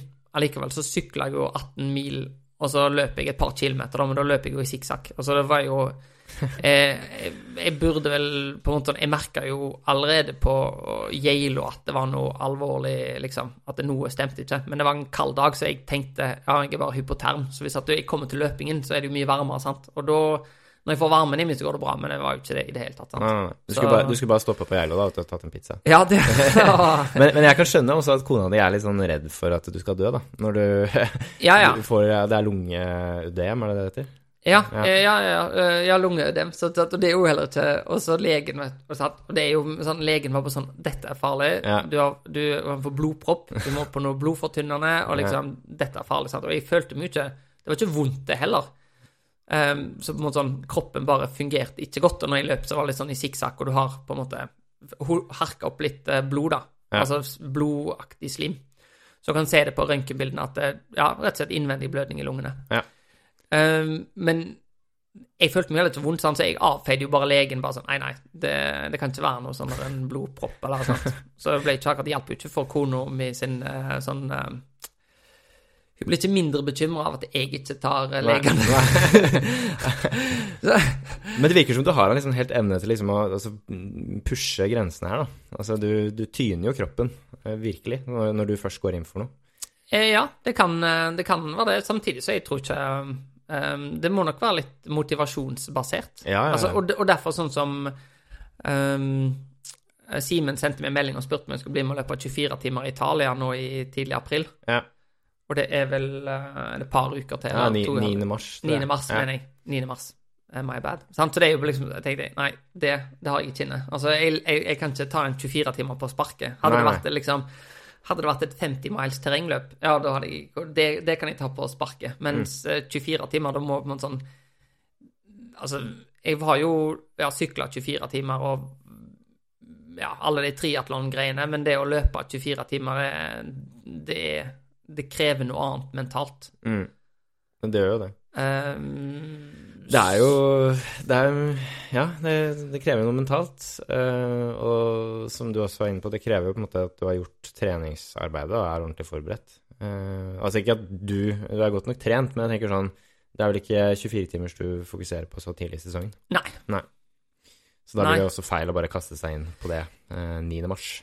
Ja, jeg, ja, jeg tror um, Ja, på en sånn Ja, om treningsgrunnlaget er nok sånn halvveis, så er det sikkert bedre enn i 21, definitivt, men det, liksom den mentale, på en måte uh, Viljen til å liksom presse igjennom, da, for det, det er sånn Du kan aldri fullføre en 24 timer, og så er det liksom helt greit. Mm. Iallfall, jeg, jeg tror ikke jeg er i stand til det. Altså det er- jeg, jeg fikk jo vondt i under beinet fra time nummer fem, liksom. Mm. Så du, du må Ja. Jeg, syns det, det mentalt krever mye, da. Ja, jeg har litt, det gjør det. Ha har litt respekt for den distansen. Ja, det tenker jeg er viktig. Men, men hva er um, målene nå som første halvdel av sesongen? da? Hva er planen? Nei, jeg hadde, hadde egentlig lyst til å prøve på mer sånn ultratrail og det er bare for å få på en måte den altså naturopplevelsen, nå, Mm. Eh, som man kanskje ikke får på Bislett, kan man jo si. det er lite natur, deres. altså. Ja, litt natur. Men eh, nei, så jeg hadde lyst på å prøve Ultratrail Snowdonia. Eh, men så ble det jo utsolgt eh, mellom de tre dagene jeg skulle klart å bestemme meg for å melde meg på. Okay. og så var det noe i Italia, så ble det utsolgt. Så nå var alt eh, UTMB utsolgt. Eh, så da sikter jeg på Sandnes Ultratrail, faktisk. Ja. Da hadde jo faktisk Jon, han var innom her i andre episode og snakket litt om Sandnes Ultra Trail. Oh, ja. Ja, og det er jo et saftig terrengløp, det. Ja. Ja. Ja, jeg, jeg, jeg har jo bodd i uh, skal jeg eh, bodd i Stavanger i et uh, knapt år, og uh, da sykler vi mye i, i Sandnes, eller Ja. liksom utover. Så jeg, hvordan de klarer å få 4500 høydemeter på uh, på bare vet ikke, 90 km, eller jeg husker ikke hvor langt det er. Eh, hvilken distanse skal du løpe der? Er det Ja, det, det er halv, halvdistansen, skal jeg si. Ja, 50, 50 miles. miles? ja. ja, nei, ikke ja, det, Fordi det er 8000, tror jeg, i hvert fall på 100 miles, så det er sikkert Ja. Nei, jeg tror det var noe sånn 4000 Jeg syns det var 4500, men jeg er ikke sikker på hvor lang løype om, om 100 miles er bare dobbel mm, Om de bare tar løypa to ganger. Jeg er ikke, er ikke helt eh, For det er litt, litt Jeg bare så på veldig mange konkurranser, så det ble blanda litt på hvor mange kilometer de forskjellige er. Men det ser ut som det blir den, og så kanskje en uh, Skogvokter Ultra. Ja, den som går i Skiensområdet. Ja. ja. Eh, Den er vel også 80 K, tror jeg. ja. Mm. ja, sant, fordi at det gir sånn UTMB-indeksløp, da. Ja. Nei, indekspoeng. Mm. Sant? Så prøver litt sånn, da, bare for å um, Ja, for å se om det går an å få sånn UTMB-eliteplass, Mm. Fordi UTMB er eh, et, et mål du har sånn i framtiden. Ja, jeg har tenkt på det òg, egentlig, å kombinere det bare for Jeg syns det er veldig morsomt å løpe i terreng. Uh, gjør det veldig lite. Uh, og så Ja, like liker variasjon, egentlig. Mm. Uh, for jeg tror det kan å kombinere. Jeg løper jo nesten bare flatt. Iallfall det sier de som følger med på Strava. Som jeg, altså, det er jo nesten bare liksom fra Operaen og så ut mot eh, Fornebu, liksom. Ja. Hver gang. Så du løper liksom, generelt ganske litt i terrenget Eller? Ja, veldig lite. Ja. Eh, men det er bare for at det er et stykke opp til terreng, egentlig. Men altså, det er ikke noe Jeg liker å løpe på asfalt langs sjøen òg, jeg, så jeg syns ikke Ja. Ja, rett og slett. Og løper jeg på, på, før, I forkant av Bislett i fjor, da, så løper jeg jo veldig mye inne på Bislett, da. Sånn spesifikt. Stemmer, stemmer. Men um, vi har en øh, spalte her, vi, som heter uh, Simens corner. Ja. Um, og han, han har laget et lite klipp til deg, så jeg tenkte vi kunne, vi kunne høre på det. Mm.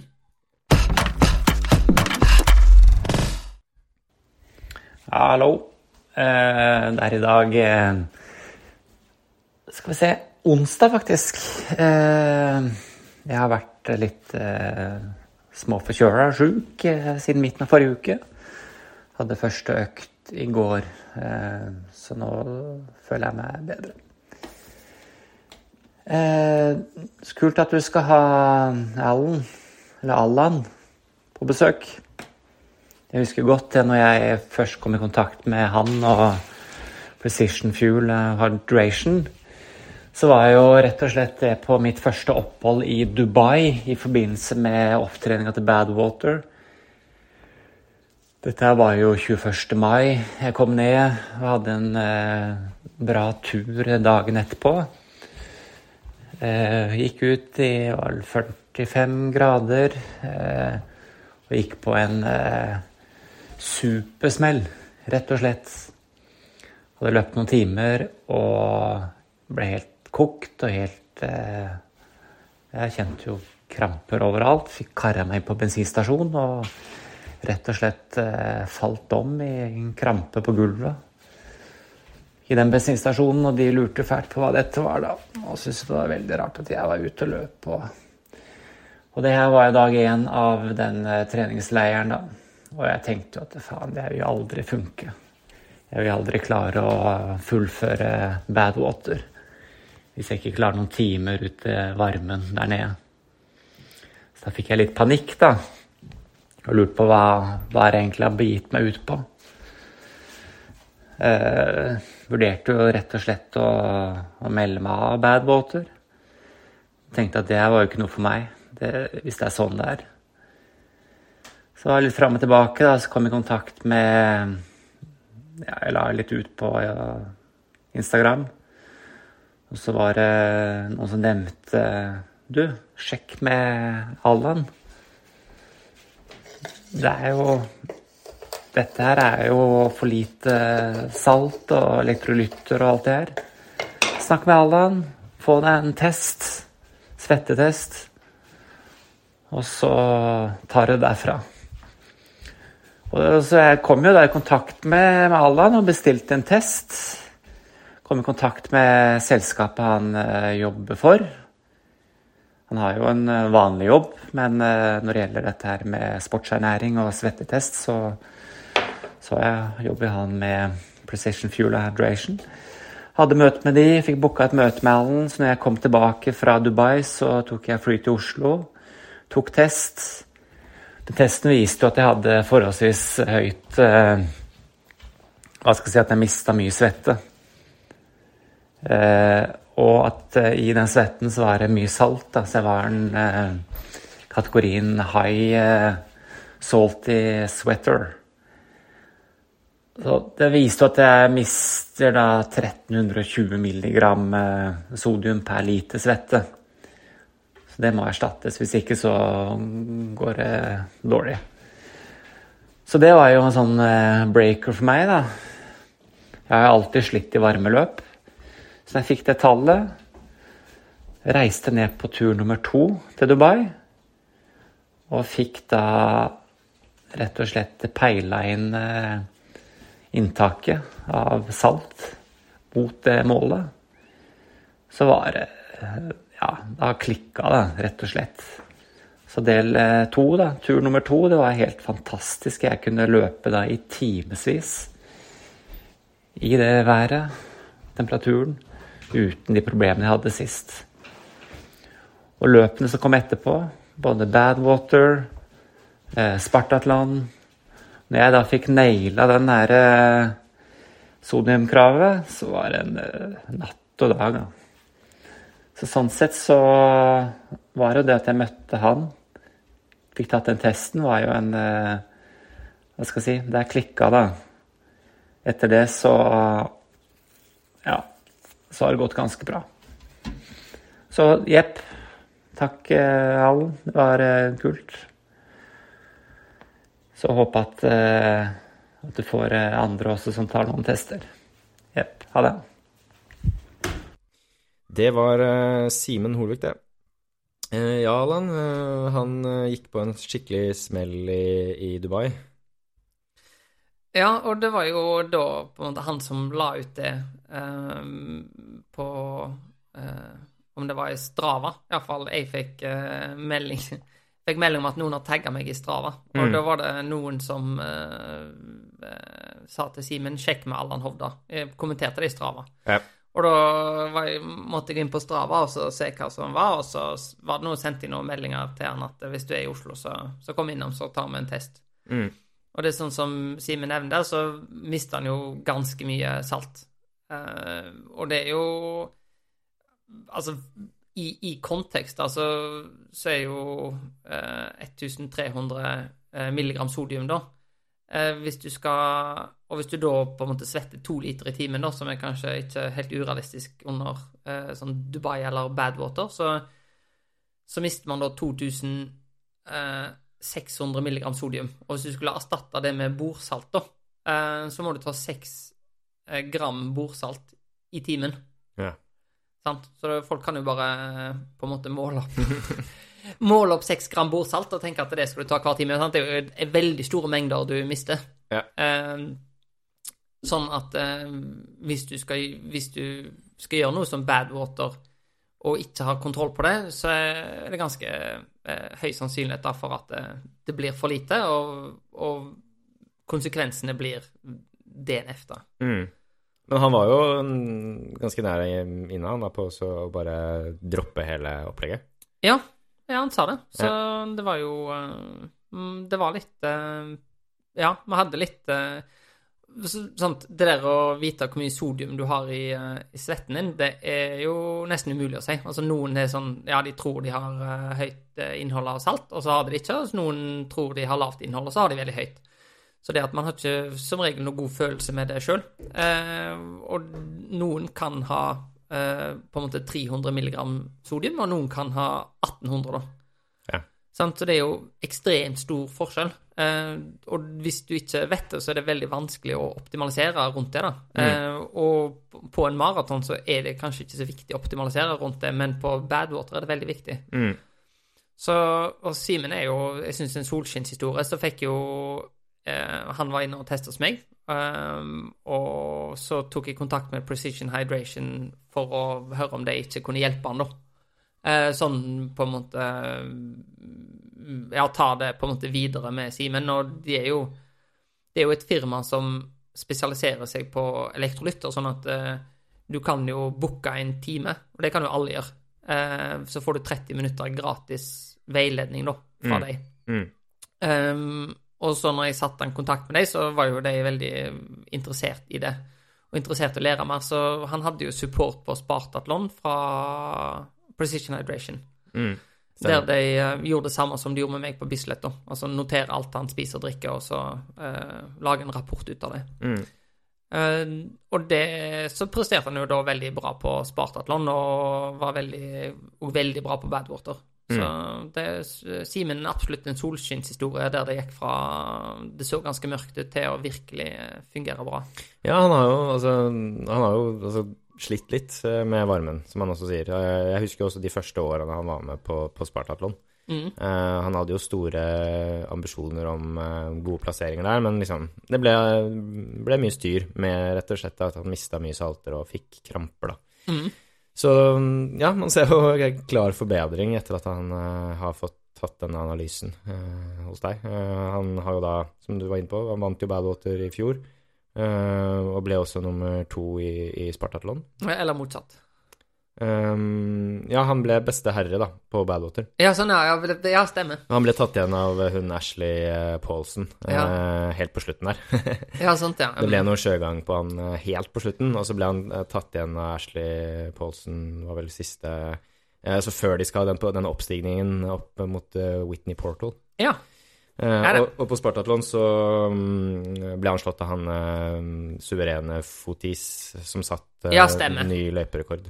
Ja. Ja, han slo var- faktisk Kuros sin uh, Tid. tid som ingen trodde at uh, noen kunne ta. Nei? Så det var bra. Og det å bli nummer to der eh, Simen løper jo også inn på en tid Han løp på 22 timer og 17 minutter. Uh, og det er vel også en tid som er god nok, egentlig, da. Hvis du ikke har med han Fotis, så, kan du, så vinner du på den tida der. Ja. Ja. Så Jepp. Men tilbake igjen til, den, til saltmålinger og sånn. Hvordan, er det du foretar Altså, hvordan er det du tester dette her? Ja, og den eh, testinga av salt er ganske Det er veldig lettvint for de som blir testa. For du trenger ikke svette, du trenger ikke gjøre noen ting. Du bare sitter, sitter rett opp og ned på en stol, og så setter vi eh, to eh, elektroder eh, på eh, Ja, skal jeg si det, nå, nå viser jeg deg på Ja. men du setter det på, eh, på innsida av hånden nå. Eh, på Hva kaller man det? The wrist? Eh, håndleddet? Hm? Eh, Blir ikke håndleddet? Ja. Ja. Nedre del av Nedre del av håndleddet. Ja, Mm. så setter du på en svak eh, strøm, som er Mm. sånn 9 volts eh, batteri, sånn eh, Skal jeg si røykmålerbatteri. Mm. Uh, og så under de punktene, da så induserer vi, så stimulerer vi svettekjertlene til å produsere svette. Mm. Og så når man har gjort det i fem minutter, så setter vi på en svetteoppsamler, da. Um, og den trenger bare et par dråper med, med svette Mm. for å ha nok til å analysere, da. Og det som er viktig, er at du setter på en sånn oppsamler, uh, er at du ikke får uh, Man får ikke luft til. Uh, fordi at hvis du tar svett Hvis du svetter til vanlig, og så tar du på en måte den svetten som ligger på gulvet etter du har, har trent, eller du bare tørker av deg, så vil den ha mye høyere konsentrasjon av salt enn det som kom ut, eh, fordi at det fordamper. Det er jo på en måte hele konseptet med svetting. At Ja. det, det kjøler med å fordampe. Så da er det viktig at vi tar eh, altså får svette som ikke har hatt tilgang til å fordampe. Da. Eh, og det kjører man inn i en eh, konduktivitetsmåler som måler ledningsevnen, egentlig. Så det er medisinsk utstyr som er beregna til bruk av folk som har eh, heter det Um, MS. Ja, ok. Uh, for folk med MS har ofte et, et ekstremt høyt salttap. Ja, det visste jeg ikke. Nei, så det er der på en måte utstyret kommer fra. Så det er eh, på sykehus for å teste der. Og det er det sånne apparater da som Precision Hydration har kjøpt, og jeg uh, låner en av de da. Ja, ok. Nei, men så bra. Så en, hel, altså en test eh, på effektiv testetid er kanskje en halvtime. Eh, og så har du, kan du legge på en time eh, om, prat, eh, om prat rundt resultatet, eller eh, litt sånn eh, at det er jo viktig for meg å kontekstualisere det. Sånn Ja, ja, ja. At, du, at du får brukt det i, i, i konkurranser. Altså hvordan du på en måte Hva du faktisk gjør for å nå det saltinntaket. For du kan jo ta sånne elektrolyttabletter um, i, i uh, vannet du drikker. Eh, det er én ting. Eller så kan du ta det i um, altså sportsdrikk med elektrolytter, eller så kan du ta salttabletter. Sant? Og for meg er det jo det akkurat samme hvordan du på en måte når det du skal nå, men uh, bare at du når det på en eller annen måte, da. Uh, og har en god plan på hvordan du faktisk skal gjennomføre det, og så at man, at man følger planen, da. Mm.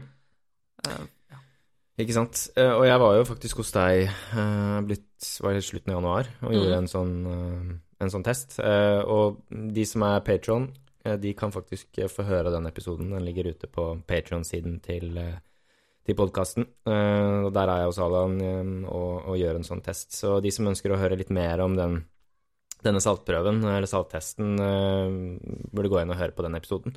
Eh, og så kan jeg absolutt anbefale å gjøre en sånn test hos Alan også. Det, det er en stor fordel, spesielt for, for oss da, som driver med altså langdistanseløp, og som holder på mer enn eh, ja, opp mot 24 timer i hvert fall. Så vil jeg påstå at en sånn type test er absolutt verdt pengene. det, var, ja, det er godt du syns, og det er jo Altså, jeg vil si for, for eh, Ja, for den målgruppa jeg, jeg er helt enig, eh, og det må jo folk eh, vurdere sjøl òg. Og jeg hadde en eh, en eh, som testa her eh, dagen, som er på en måte litt ny i, eh, i ultraverden, da. Ja. Eh, og nå var det triatlon, uh, halvdistanse, han hadde meldt seg på. Og han svetta vel 380 milligram, så han er vel den laveste jeg har målt, da. Ja, stemmer. Eh, men han doserte som han svetta 1500, da. Ja, ikke sant? Sant? Og, det, og det hadde han jo gjort på en måte uten problemer, da. Ja. Eh, men han hadde jo ikke kjørt konkurranser som var lenger enn en fem timer. Um, og jeg vil tenke at uh, hvis du skal gjøre det i ti timer eller altså lenger, så kommer du til å få problemer med magen. For du tar, uh, du tar veldig, veldig mye salt. Men kan det være for mye, altså farlig å få i seg for mye salt? Uh, hvis man spiser så mye salt som han gjorde, da? For at det til hva han egentlig skal ha? Nei, det er ikke, det er ikke, det er ikke, ikke farlig sånn. sånn farlig. Altså, Nei. det er ikke det er, det er farlig å spise for mye salt, og sånn som Precision Hydration har eksempelet sitt. Og de har funnet et altså der en som ble utfordra til å drikke en halv liter soyasaus på direkten. Og det gjorde han jo. Og det var jo 30 nå har jeg- Med forbehold om at tallene ikke er helt rett, men det er jo 34 gram eh, salt Mm. sant, på styrten. Så han endte jo i koma, da. Mm. Uh, så det er absolutt farlig. sånn sett farlig, men det er ikke noe Altså Hvis at du bare overdoserer på en konkurranse, så tror jeg mer at uh, det ender bare at man blir kvalm og, Ja. uh, og dårlig, da. Det, det blir litt sånn Hvis du spiser for mye kalorier òg Mm. på en konkurranse, så kan du ikke si at det er farlig. Og hvis at du klarer å tolerere 90 gram, og så spiser du 190, da, Mm. sant, så det ender jo bare med at du spyr eller får diaré. Ja, sant. Ikke trivelig, da, men bare Det er det ikke. Det er, Absolutt anbefales å unngå. ja, det gjør det. Med mindre man gjør som Simen og har diaré hele veien fra eh, Ja, nesten fra Aten til Sparta. Ja. Ja. Det, Følg den brune stripen. Nei da. Men uh, tilbake til um, Vi var også innom Eller Simen nevner Badwater, da. Ja. Uh, som var årsaken til at han uh, gjorde disse prøvene. Og i forrige episode så hadde jeg faktisk Line Kaliskaner innom. Mhm. Uh, og hun pratet da om ja, Hun har tatt ut, uh, rett og slett. Skal løpe Badwater som første norske kvinne. Eh, de, jeg prøvde å få litt sånn ut av henne da, uh, hvem som skulle være med i crewet. Mm. Men hun holdt eh, kortene ganske tett i brystet. Men eh, nå er jo det annonsert. Ja. Og du er jo faktisk en av de som er tatt ut på hennes lag. Ja. Og det er jo kult. Ja, det er veldig, veldig kult, faktisk. For uh, hun ringte meg uh, og lurte på det, uh, om jeg hadde lyst til å være med på crewet. Og det første jeg tenkte, det har jeg lyst til å gjøre. Så bare sånn, hva dato er det? Det er 22. juli. Og så bare Oh, det er jo midt i fellesferien. Ja. Så på det tidspunktet da, så hadde vi jo egentlig booka ferie med familien. Ja. Som skulle være i Slovakia, faktisk. En triatlonkonkurranse uka før, og så ferie etterpå, da. Ja. Eh, så da tenkte jeg, eh, jeg Det er jo verdt å spørre. Så du spurte kona di, da? Ja, ja, ja, og hun forsto jo det at eh, det var noe jeg hadde lyst til, og at det var en fin mulighet. Så hun bare OK, det er ingen problem. Vi tar og forkorter den Slovakia-turen som hun var bare sånn medieinteressert i. Men, ja. at, men vi blir jo der ei uke, og så drar vi hjem vel fem dager før tida, og så Mm. eh, Det er jo Ja, vi har lagt en god plan B, da. Sånn at jeg kan være support. Det er jo veldig raust, da. Um, Ja, absolutt. Jeg var overraska, faktisk. Hadde ikke tro at den samtalen skulle ende som Den, uh, ja, bare, bare dra, du. Ja, bare dra. det hørtes veldig kjekt ut for deg. Ja, ja, ja. Så bra. Nei, men uh, kult, Adam. Uh, fordi du har jo også ambisjoner om å løpe Badwater selv en gang, eller? Ja. Mm. Det, jeg har lyst til Eller, jeg, jeg vet ikke om jeg har lyst til jeg, jeg, Nå har jeg lyst, men jeg får være supporter eh, i år og så se hvor kjekt det er å løpe i 40 grader i eh, 45 grader i Death Valley. Ja, ja. Om det er noe som egentlig eh, virker gøy eller ikke. ja. Kommer du, hvordan kommer du til å forberede deg sånn, på, på varmen der, da? Nei, jeg må jo, jeg må jo bruke den um, på en måte kunnskapen mm, ja, ikke jeg har, og så Precision Hydration har òg. Altså, jeg har jo vært med på Hawaii et par ganger. Jeg har òg gjort triatlon i Thailand, Mm. Phuket. Mm. 40 grader. Ok. 100% luftfuktighet. Ja, det er heftig. Ja, sant. Sånn på en måte Og det Men Så det blir, det blir En kjører en sånn varmetilpasningsprotokoll. Ja. Um, egentlig der du eksponerer deg for varme. Mm. Det er for å på en måte sette i gang kroppen sin tilpas tilpasningsmekanisme, da. Mm. Uh, uten å overeksponere deg sånn at du blir sliten. Ja. Så det er en slags uh, balanse der at du, du må eksponere deg, og ikke overeksponere deg. Så det er i hvert fall uh, Jeg har litt erfaring med det, men med Jeg skal sette opp uh, ta, Ja, gjøre god forberedelse på det, så kanskje jeg skal tatt eh, og, um, og tatt en generalprøve på det. Bare Ja. test, teste det. Og det er på Precision Hydration i England nå, så altså når de var De skal jo bygge en sånn varmelab der. Så Mm. får jeg se om jeg får tatt turen over og, og snakke med dem og løpte i varmelaben. Ja. ja, det høres jo fornuftig ut. Du kommer ikke til å dra til eh, Dubai? Nei, jeg gjør ikke, nei, jeg gjør ikke det. To Eh, turer til Dubai for å teste to. Nei, Uh, nei jeg, tror, uh, jeg tror da hadde de fem, fem dagene jeg bruker på å dra til, uh, til Death Valley og tilbake, jeg tror jeg har blitt veldig upopulær hvis jeg skal Ja. bruke et par uker tidlig til på tilvenning. Men jeg skal jo være i Slovakia i juli Mm. i forkant, så det blir nok ganske varmt der. Ja. Um, og det er alltid eh, sant, Du trenger egentlig ikke så veldig varmt for å ta noe varmetilpassing, for du kan jo Det tror jeg vi snakket om forrige podkast òg, at du kan jo bare um, Eller var det off-air? Det er litt usikker, men bare ta på deg masse klær.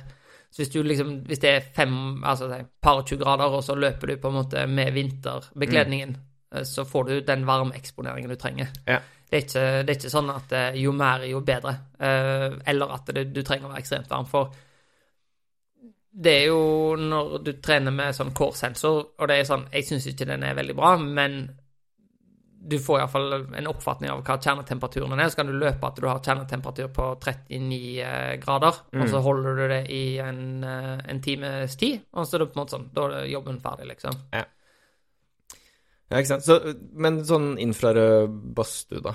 Ja, Eh, det er jo bra. Det er også bra. Ja. Men man trenger liksom ikke å, å reise til Dubai for måte å tilpasse seg varmen for å løpe Badwater. Nei. Nei. Eh, nei, og det Selv om det er selvfølgelig greit å ha erfart det, for det er jo forskjell på å sitte i en badstue eh, og og, faktisk være ute og liksom å løpe i den faktiske temperaturen. Ja, og sånn som jeg vil i hvert fall anbefale folk som, folk som skal gjøre det, altså det er bra å eksponere seg for det, men du må ikke la eksponeringen bli for høy. Nei. Eh, sånn som når jeg var på Hawaii første gangen, så eh, Så Hawaii Eller Kona er et lite sted, og Hawaii kommer, så er det altfor lite hotellrom. Eh, og jeg kvalifiserte meg veldig seint, så jeg fikk bare en sånn ombygd garasje oppe i fjellene. Og bodde der. Mm. Eh, og, da, og da er det mye kaldere, så det er ti grader kaldere der oppe. Men da var jeg på en måte Da var jeg nede eh, da, sånn, Du var en del nede i varmen, og så sov man på en måte kjølig, da. Eh, og var eh, kjølig. Og så eh, Det fungerte jo bra. Jeg tenkte ikke noe over det. Så gang nummer to så kvalifiserte jeg meg veldig lang tid i forkant. Eh, Booka eh, et hus i én måned, Mm. faktisk på, på Hawaii. Midt, altså nede Nei, i, um, eh, i Kona. Og det var mye varmere, så selv med aircondition da, så måtte jeg stå opp midt på natta og ta en kalddusj, liksom. Mm.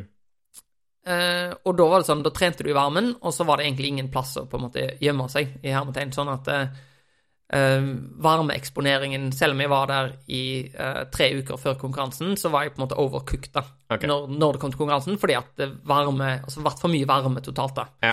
Så sånn om at man drar til et varmt sted for å forberede seg, så vil jeg anbefale at du, du kjører økter ut i varmen, og så prøver du å være inne på et hotellrom med aircondition, altså. For det er ikke om å gjøre på en måte få så mye varme som mulig. Nei. Kan, det ha noe å si sånn at at man Altså når man koker seg f.eks. mye i badstue, sånn at man, man mister jo sikkert også en del væske og sånn. Har det noe å si, sånn i forhold til salter og sånn via svetten der, eller er det Jo.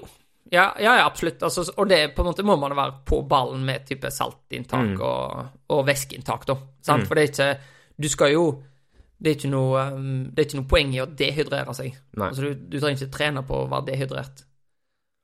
Nei, det er jo ikke noe poeng.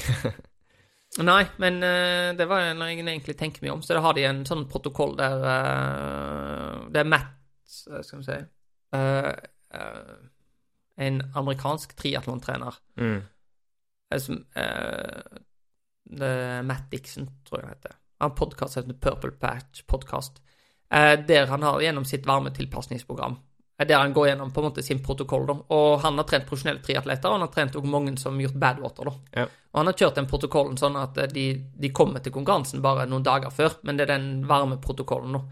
Og da har han sånn at eh, du løper med masse klær på tredemølla i type 40 minutter eller noe sånt som det. Mm. Eh, og da skal du Og så eh, kan du gå i badstue etterpå, Mm. så uten å drikke, da. Mm. Eh, og så eksponerer de i om det er 20 minutter eller noe sånt. Uh, og det er for å på en måte gi en ekstra sånn stimulans da, til de varmetilpasningene. Og så okay. må man drikke det etterpå. Ja. Så det, jeg har gjort noe av det òg, men bare at man må være obs på at det koster.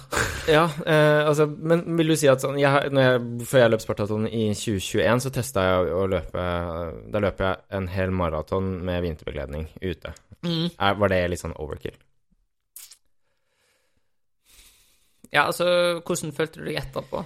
Eh, Nja, jeg følte meg grei, men eh, det var jo Det var jo kjipt. Det var ikke noe moro å løpe 42 km med full vinterbegledning i 25 varmegrader. Det var det ikke. Nei, og det kan jo være bra for en, en type sånn ehm, Det er kanskje litt bedre mental trening enn Mm. uh, en, um, en, en fysisk, fysisk varmetilpasning, nå. Altså, for- jeg vil si at det er litt mye, da. Ok, ja, ja fordi det, det er det jeg tror egentlig også. At, og det er fint at du sier disse tingene her, da. Fordi um, ja, eh, jeg må også trene litt på, på varmen. Både i forhold til øhm, forhåpentligvis da sportartalen men um, jeg ble også med ned til Death Valley som pacer, andre pacer for Simen.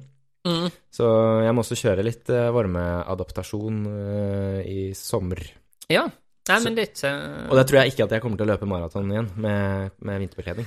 Nei, eh, nei, og det eh, om Nå bare tar jeg det litt tatt i hodet, men jeg tror ikke eh, Jeg tror det var to til tre økter i uka Mm. som er spesifikt sånn varmetilpasningsøkter. Så da kan du løpe da 40 minutter ish med vinterbekledning, og så f.eks. kjøre da 20-30 minutter i badstue etterpå. Ja, Ja. eller eh, Ja, det var, det var en ting. Eller bare løpe med vinterbekledning, og så stopper du, og så tar du ikke av deg vinterbekledningen, og så venter du. Smart. Så, ja, ja, ja. Jeg traff eh, en profesjonell triatlet som var Han kom på sjuendeplass i OL. Mm. Uh, Sjetteplass på Hawaii. Rasmus Henning. Den ja. uh, se, ble, ble gode kamerater. Jeg traff han på en treningscamp i Paitas når han holdt på med det. Mm. Så han løp på tredemølla med alle de klærne, for da skulle han til Panama og konkurrere. Så han hadde Matt Dixon som trener, da. Um, og, så jeg skal Men jeg skal, jeg skal få det litt raffinert, den varmetilpasningsmetoden, og så kan jeg dele den med deg. Og så kan Ja. vi ta litt, siden vi sammen må være forberedt til, til Badwater. Ja, ja, ja. Det, det er kjempefint. Det setter jeg veldig veldig stor pris på, på. Ehm, skal vi se. Men du, um, jeg har faktisk uh, en ting her som jeg må ta med deg. Eh, Ja. vi har jo en sånn Patron-side. Mm. Um, og jeg har fått inn uh, noen spørsmål da, fra, fra lytterne til deg. Uh, Nå tenker jeg ikke Jeg rekker ikke alle, men jeg tenker jeg kan ta, um, ta ett. Mm. Det er eh, Skal vi se. Det er fra Skal vi se. Må jeg bare finne denne posten som eh, jeg la ut i går eh, på Patron-siden. Der kan altså Patron være med på å påvirke sendingen litt, da. Og da har jeg fått en kommentar fra en som heter Einar. Han skriver Hovda er et råskinn som har vært interessant å følge med på i mange år. Og så lurer han da på hvordan opplever han at vekting av trening på sykkel, svøm og styrke virker inn på løping? Bør vi som har lagt bort triatlon, fortsatt svømme og sykle, eller blir man best med mest mulig spesifikk trening? Og så nummer to, hvilke mentale teknikker bruker han eh, for å pushe så hardt um, som han gjør? Eh, du har vært inne på det, til og med at du får Du pusher så hardt at du får eh, radiomylyse. Eh, og så Ja, du kan jo egentlig begynne med, med nummer én her, da. Eh, hvordan du da opplever eh, vekting av trening på sykkel, svøm og styrke. og Hvordan det virker da inn på løping. Ja, og det har jeg hørt mange som, som mener at sykling gjør deg treig til å løpe, da. Ja. At det er ikke Og jeg vil jo veldig er veldig uenig. Ja. At det er jo altså noen eh, Sånn at eh, jeg syns jo at de som har gjort triatlon og så begynner med ultraløping, at de fortsatt burde gjøre sykler, da. Em, og grunnen til det er jo at det er begrensa hvor mye man kan løpe. Mm. Mens hvis du legger til sykling, så kan man bare trene mye mer. Eh, og så får du jo på en måte Du får kardiovaskulær trening eh, av sykling, som er veldig altså overførbar til løping, da. Så Mm. jeg vil anbefale mange altså ultraløpere generelt, spesielt hvis de er skada, å trene litt, eh, t- trene litt sykling, da, Ja. for eksempel. Og det er jo sånn og du, hvis, du, hvis du ser på TV sånn alt i alt eh, jeg, ser på, jeg ser på Netflix når jeg sykler, aldri ellers. Så, så, sant? Og da, da er det For det er samme for meg om jeg sitter og ser på Netflix uten å sykle enn å sykle. Så det er Ja. på en måte Jeg vil absolutt anbefale det. Og på svømming kan du òg få veldig, veldig god trening. At du kan trene sånn type VO2 max-økter uten at det koster liksom beina. Mens hvis du skal løpe på de VO2 max-øktene, så gjør du mye eh, muskulær skade. Okay. Sånn at du Hvis du kan svømme, så vil jeg absolutt ta på en måte brukt det òg egentlig til å øke VO2 maxen, type sånn Mm. uh, Få mer trening. Ja, ja, ja. Hvis man har tid. Ja, ikke sant. Um, høres fornuftig ut. Uh, men um, i forhold til disse mentale teknikkene, da. uh, hvordan er det du Hva slags mentale teknikker er det du bruker da, for å liksom pushe deg så hardt? Uh, ja, mentale teknikker, så er det jo Så går det mye på, på det å dele opp uh, konkurransen i altså kortere Kortere på en måte etapper, da. Mm. Altså, fordi at det er jo Det er jo hvis du løper Altså, alle ultraløp er jo vanvittig lange. Mm. Så da må man heller dele det opp i på en måte kilometer, eller Sånn som i løpet så får jeg jo auto, eh, autolapp per kilometer. Mm. Så det går mye fra kilometer til kilometer, eller fra drikkestasjon til drikkestasjon, eller så prøve å seksjonere det opp så kort som mulig, da.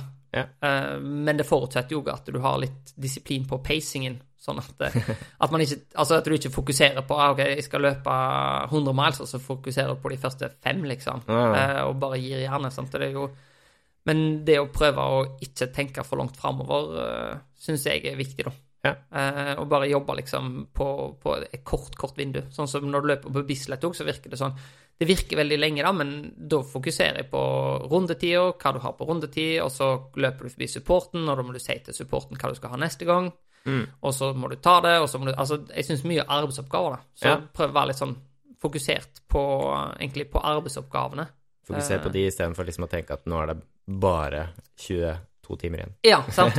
Ja, ja, så du blir liksom fokusert på ok, hva skal jeg spise nå, hvor, Mm. uh, hva skal jeg ta neste runde, hva skal jeg sant? Det ligger jeg, har jeg et uh, fornuftig tempo. Ja, veldig være sånn fokusert på oppgavene og, og Ja. en kort sånt. Men du hadde jo også en fin teknikk som du nevnte i stad i forhold til det med musikk, da. At du har eh, en halvtime med en spilleliste. Ja.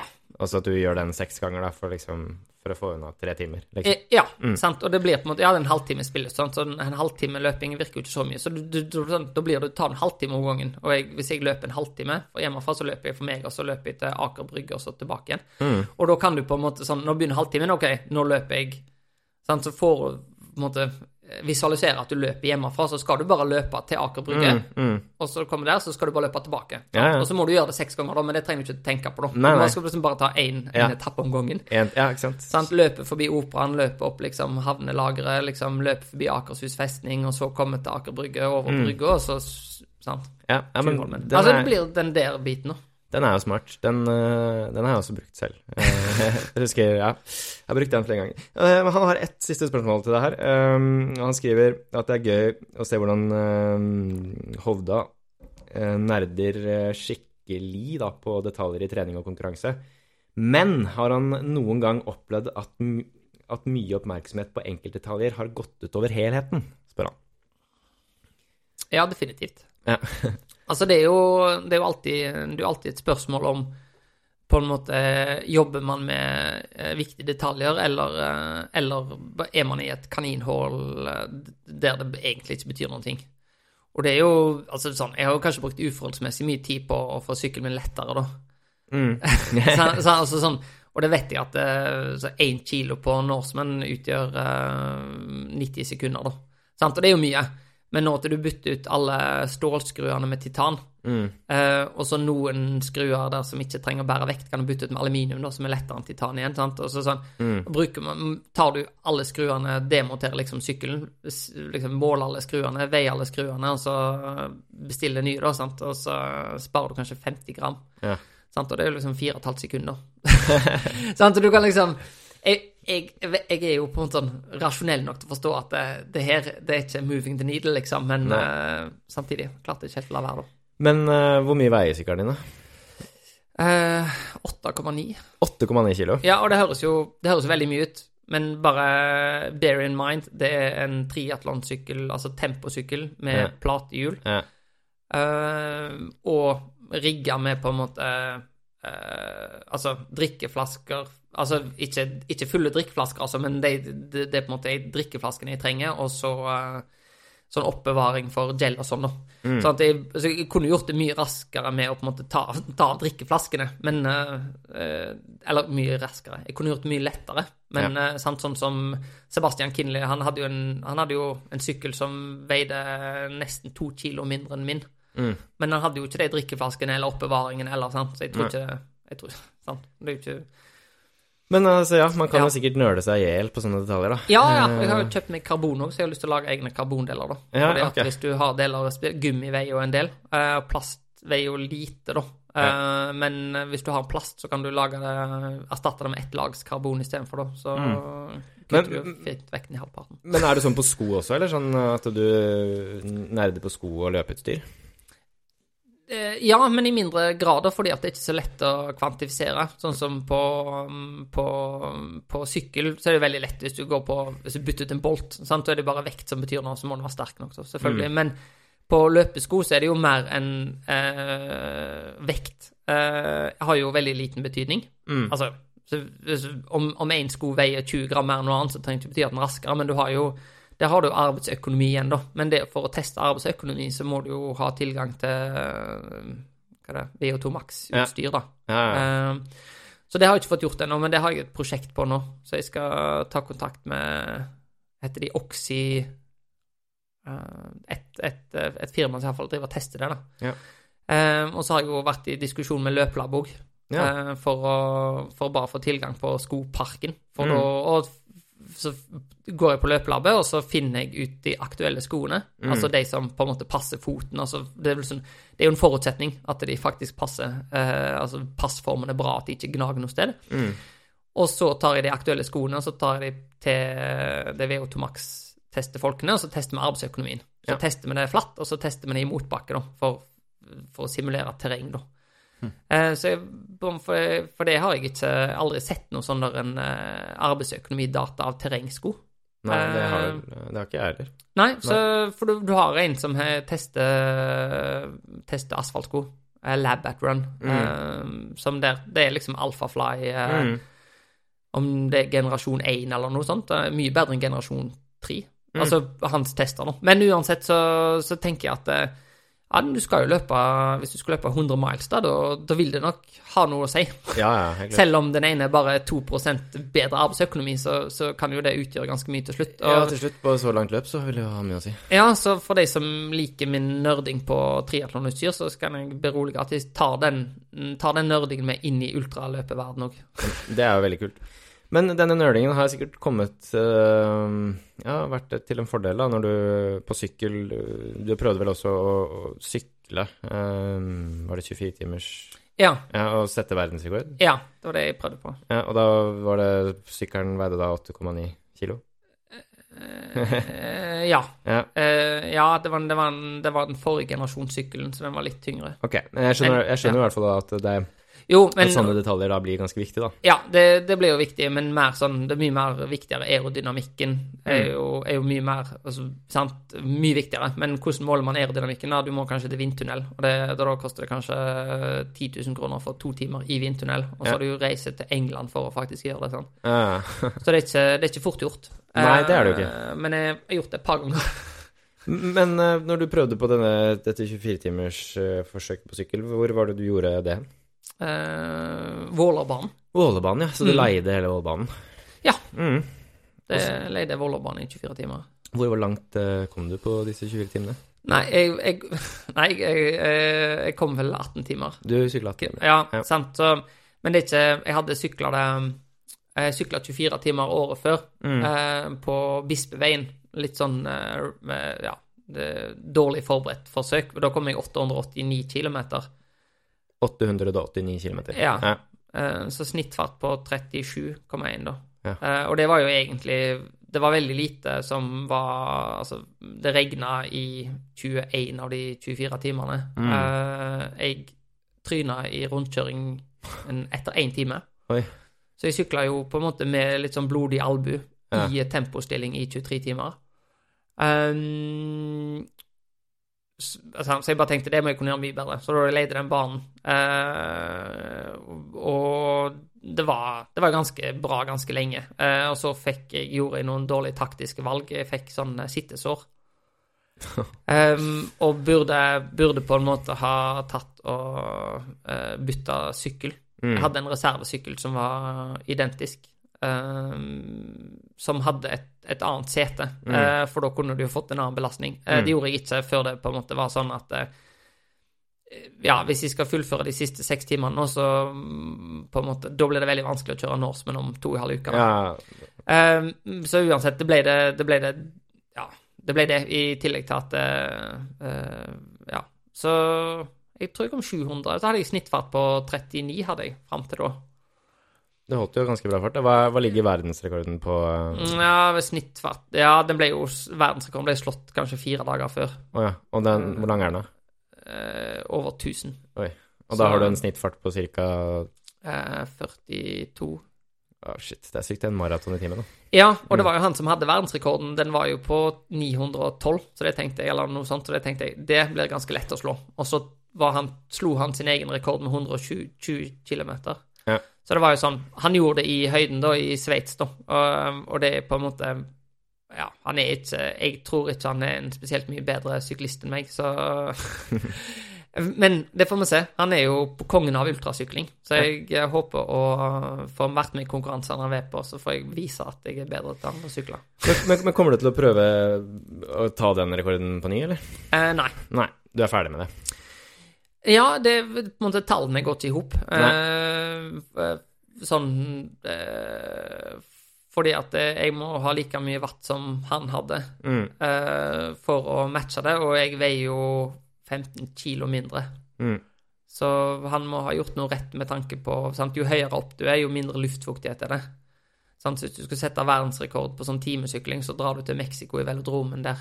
Uh, sant, så Ja. uh, det, Da da får jeg, får jeg se om jeg finner noe bedre, bedre egnet sted enn å gjøre det på Vålerbanen. Og det var, det var ikke så bra som jeg hadde håpet det skulle være. Sånn, mm, sånn egnet sted. Det var så nylagt asfalt. Tenkte jeg åh, det var digg med helt nylagt asfalt, men uh, nylagt asfalt, det suger. Sånn Ja, okay. bokstavelig talt. Altså, Når det var sol og den ble varm, så var det sticky. Okay. Eh, sant? Så det, det er jo Ja, jeg må finne noe bedre sted enn Vålerbanen, Ja, egentlig, i så fall. Men du kan jo prøve å utfordre Simen litt på 24-timersløp isteden, da. Ja da, ja da, ja da. Ja da. Det, er- jo det er masse Fordi han er vel interessert i å ta, ta den bestenoteringen noteringen i Italia, tror jeg. Ja, sånt, ja. Ja, ja, ja. Men, nei, men det er ikke Jeg ønsker Simen lykke til. Ja. Jeg uh, syns jo mm, på en måte sånn rivalisering at det, det gjør det mye kjekkere. Det Ja. er det, det er både ja, kjekkere for måte, folk som følger med, i tillegg til at det gir en ekstra boost på motivasjon da, om å virkelig presse, hvis at eh, eh, Ja. Ja. Jeg tror også Simen setter veldig pris på, på deg og dine resultater og, det, og den kunnskapen som du besitter. da. Han har jo nytt godt av den. Ja, og det Ja, det er veldig kjekt å, å jobbe med han. Mm. Ja, men Kult, eh, Allan. Er det noe sånn eh, helt på tampen her som du tenker at du ønsker å dele med, med lytterne av podden, eller? Nei, eh, jeg vet. Jeg har lyst til å sette verdensrekord på tredemølleløping. Ja. Eh, Men eh, det Det er jo kult. For hva, hvem er det som har verdensrekorden der, da? Det er Bjørn Tore, eller? Bjørn Tore Tananger, ja. Og han Så- løp 265, Fem. ja. Ja. Mm. Og det er jo uh, Syns sikkert folk at det å løpe på tredemølla virker kjedelig, da, og det er jo helt enig i det. Men eh, samtidig så gir det jo mulighet til å kontrollere Mm. eh, alle tingene, og jeg er jo veldig glad i det. Ja, ja. Og sånn, for da kan du på en måte Da kan du kontrollere altså, opplagt, du kan kontrollere tempoet, du kan kontrollere klima, du kan kontrollere om du skal ha vifte, du har liksom 100% kontroll på hvor mye altså drikke tilgjengelig og ernæring tilgjengelig. sant? Det blir Ja. liksom den eh, på en måte nøyaktigheten vi hadde på Bislett 24, altså vi er jo mm, nesten 100% altså i forhold til hva jeg tar inn og hva jeg drikker. sant? Det var litt sånn av og til så tok jeg noe vann i håret liksom, istedenfor å drikke det. sant? Så det blir sånn ganske nøyaktig, mens på mølla da blir det liksom 100% Ja, ja, og det er mye lettere. Altså, du har jo ikke eh, antall løpere som på en måte er i veien, og som gjør at du må løpe sikksakk, f.eks. Altså, du kan jo, som du sier, kontrollere alle parameterne mye mer. Ja. Ja.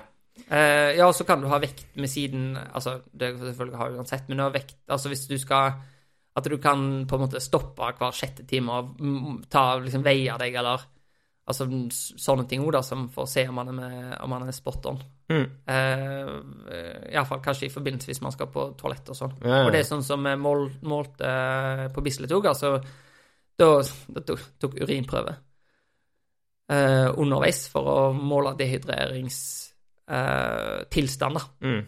Sant? Så, så det er jo sånn med precision hydration, som er jo veldig interessert i sånn, som er veldig interessert i sånn type 24 timer på mølla, som jeg sa at jeg har lyst til å gjøre det, så var det sånn det, da, da, da skal vi sette oss sammen, og så ser vi hvor mye, hvor mye målinger man kan ta, da. Ja. Sant? Og da kan du jo på en måte løpe, så kan du sette kanskje sånn live pulsdata, live temperaturdata, under, altså ha det på en måte grafisk på skjermen, da. Så jeg ser for meg at det Jeg skal ikke si at det blir blodinteressant å se på, men uh, hvis du er veldig, veldig, veldig veldig spesielt interessert, så blir det kanskje det. Kult. Når er det du tenker å prøve på dette her, da? Eh, Har du noen Nei, planer for det blir det? et, et år til. Ja. Det blir i hvert fall Så får håpe jeg ikke han Sorokin prøver på det i forkant, da. ja, Har han snakket om det, eller? Nei, jeg har ikke peiling. Ah. Jeg, jeg følger ikke med, men jeg, jeg tror ikke jeg kan bry meg om det. Nei. Du får bare kjøre din greie. Ja, jeg Mm. får, får gjøre det. Eh, og det blir sånn som eh, når jeg, på en måte den rekorden fra 24-timerssykling ble satt fra på en måte lett, relativt lett, til umulig liksom fire dager før, så, så burde jeg ikke ha latt det på en måte påvirke meg. Altså, jeg gjorde det i for stor grad, da. At jeg Mm. starta for hardt når det var dag og det var varmt, og så hadde man flit å kjøre på når det var kveld og det var kaldt. Mm. Så det burde bare være jeg, altså, jeg vet det burde vært gjort mye bedre. Og det er på en måte om det kommer noen og setter rekorden på 320 km, så får jeg, får jeg løpe så langt jeg kan, da. Jeg Mm. kan ikke, jeg kan ikke mm, Det blir ikke realistisk å si at jeg skal løpe 320 heller, så vi får, eh, vi får jobbe litt og se hva som er eh, ja, et godt mål. Ja, du, det er alltids mange skalper å ta, da. Eh, Og du kan jo gjøre litt sånn som Simen f.eks. gjorde under eh, 48 timers. At han liksom Altså, han har jo et A-mål, ikke sant. Det har jo sikkert du også Ja, ja, ja. jobbet ut ifra mange ganger før. Og sett et A, B og C og D-mål, ikke sant. Ja. Yes. Mm. Ja, men uh, veldig hyggelig å ha deg her på, på podden, Allan. Uh, vi får bare um, holde litt kontakten fremover mot, uh, mot Badwater. Ja, Og så får vi kanskje ta en treningstur sammen uh, inn mot uh, sommeren. Ja, vi er jo praktisk talt naboer, så det Ja, det er kult, det. Må bare uh, Ja, jeg skal si når jeg skal ha litt langtur. Og det Ja. er litt de, de turene det er mest hensiktsmessig med selskap. Ja, ja, ikke sant. Det går litt fortere gjerne, da. ja. men tusen takk for at du kom, Allan, og så, så snakkes vi. Gjør det.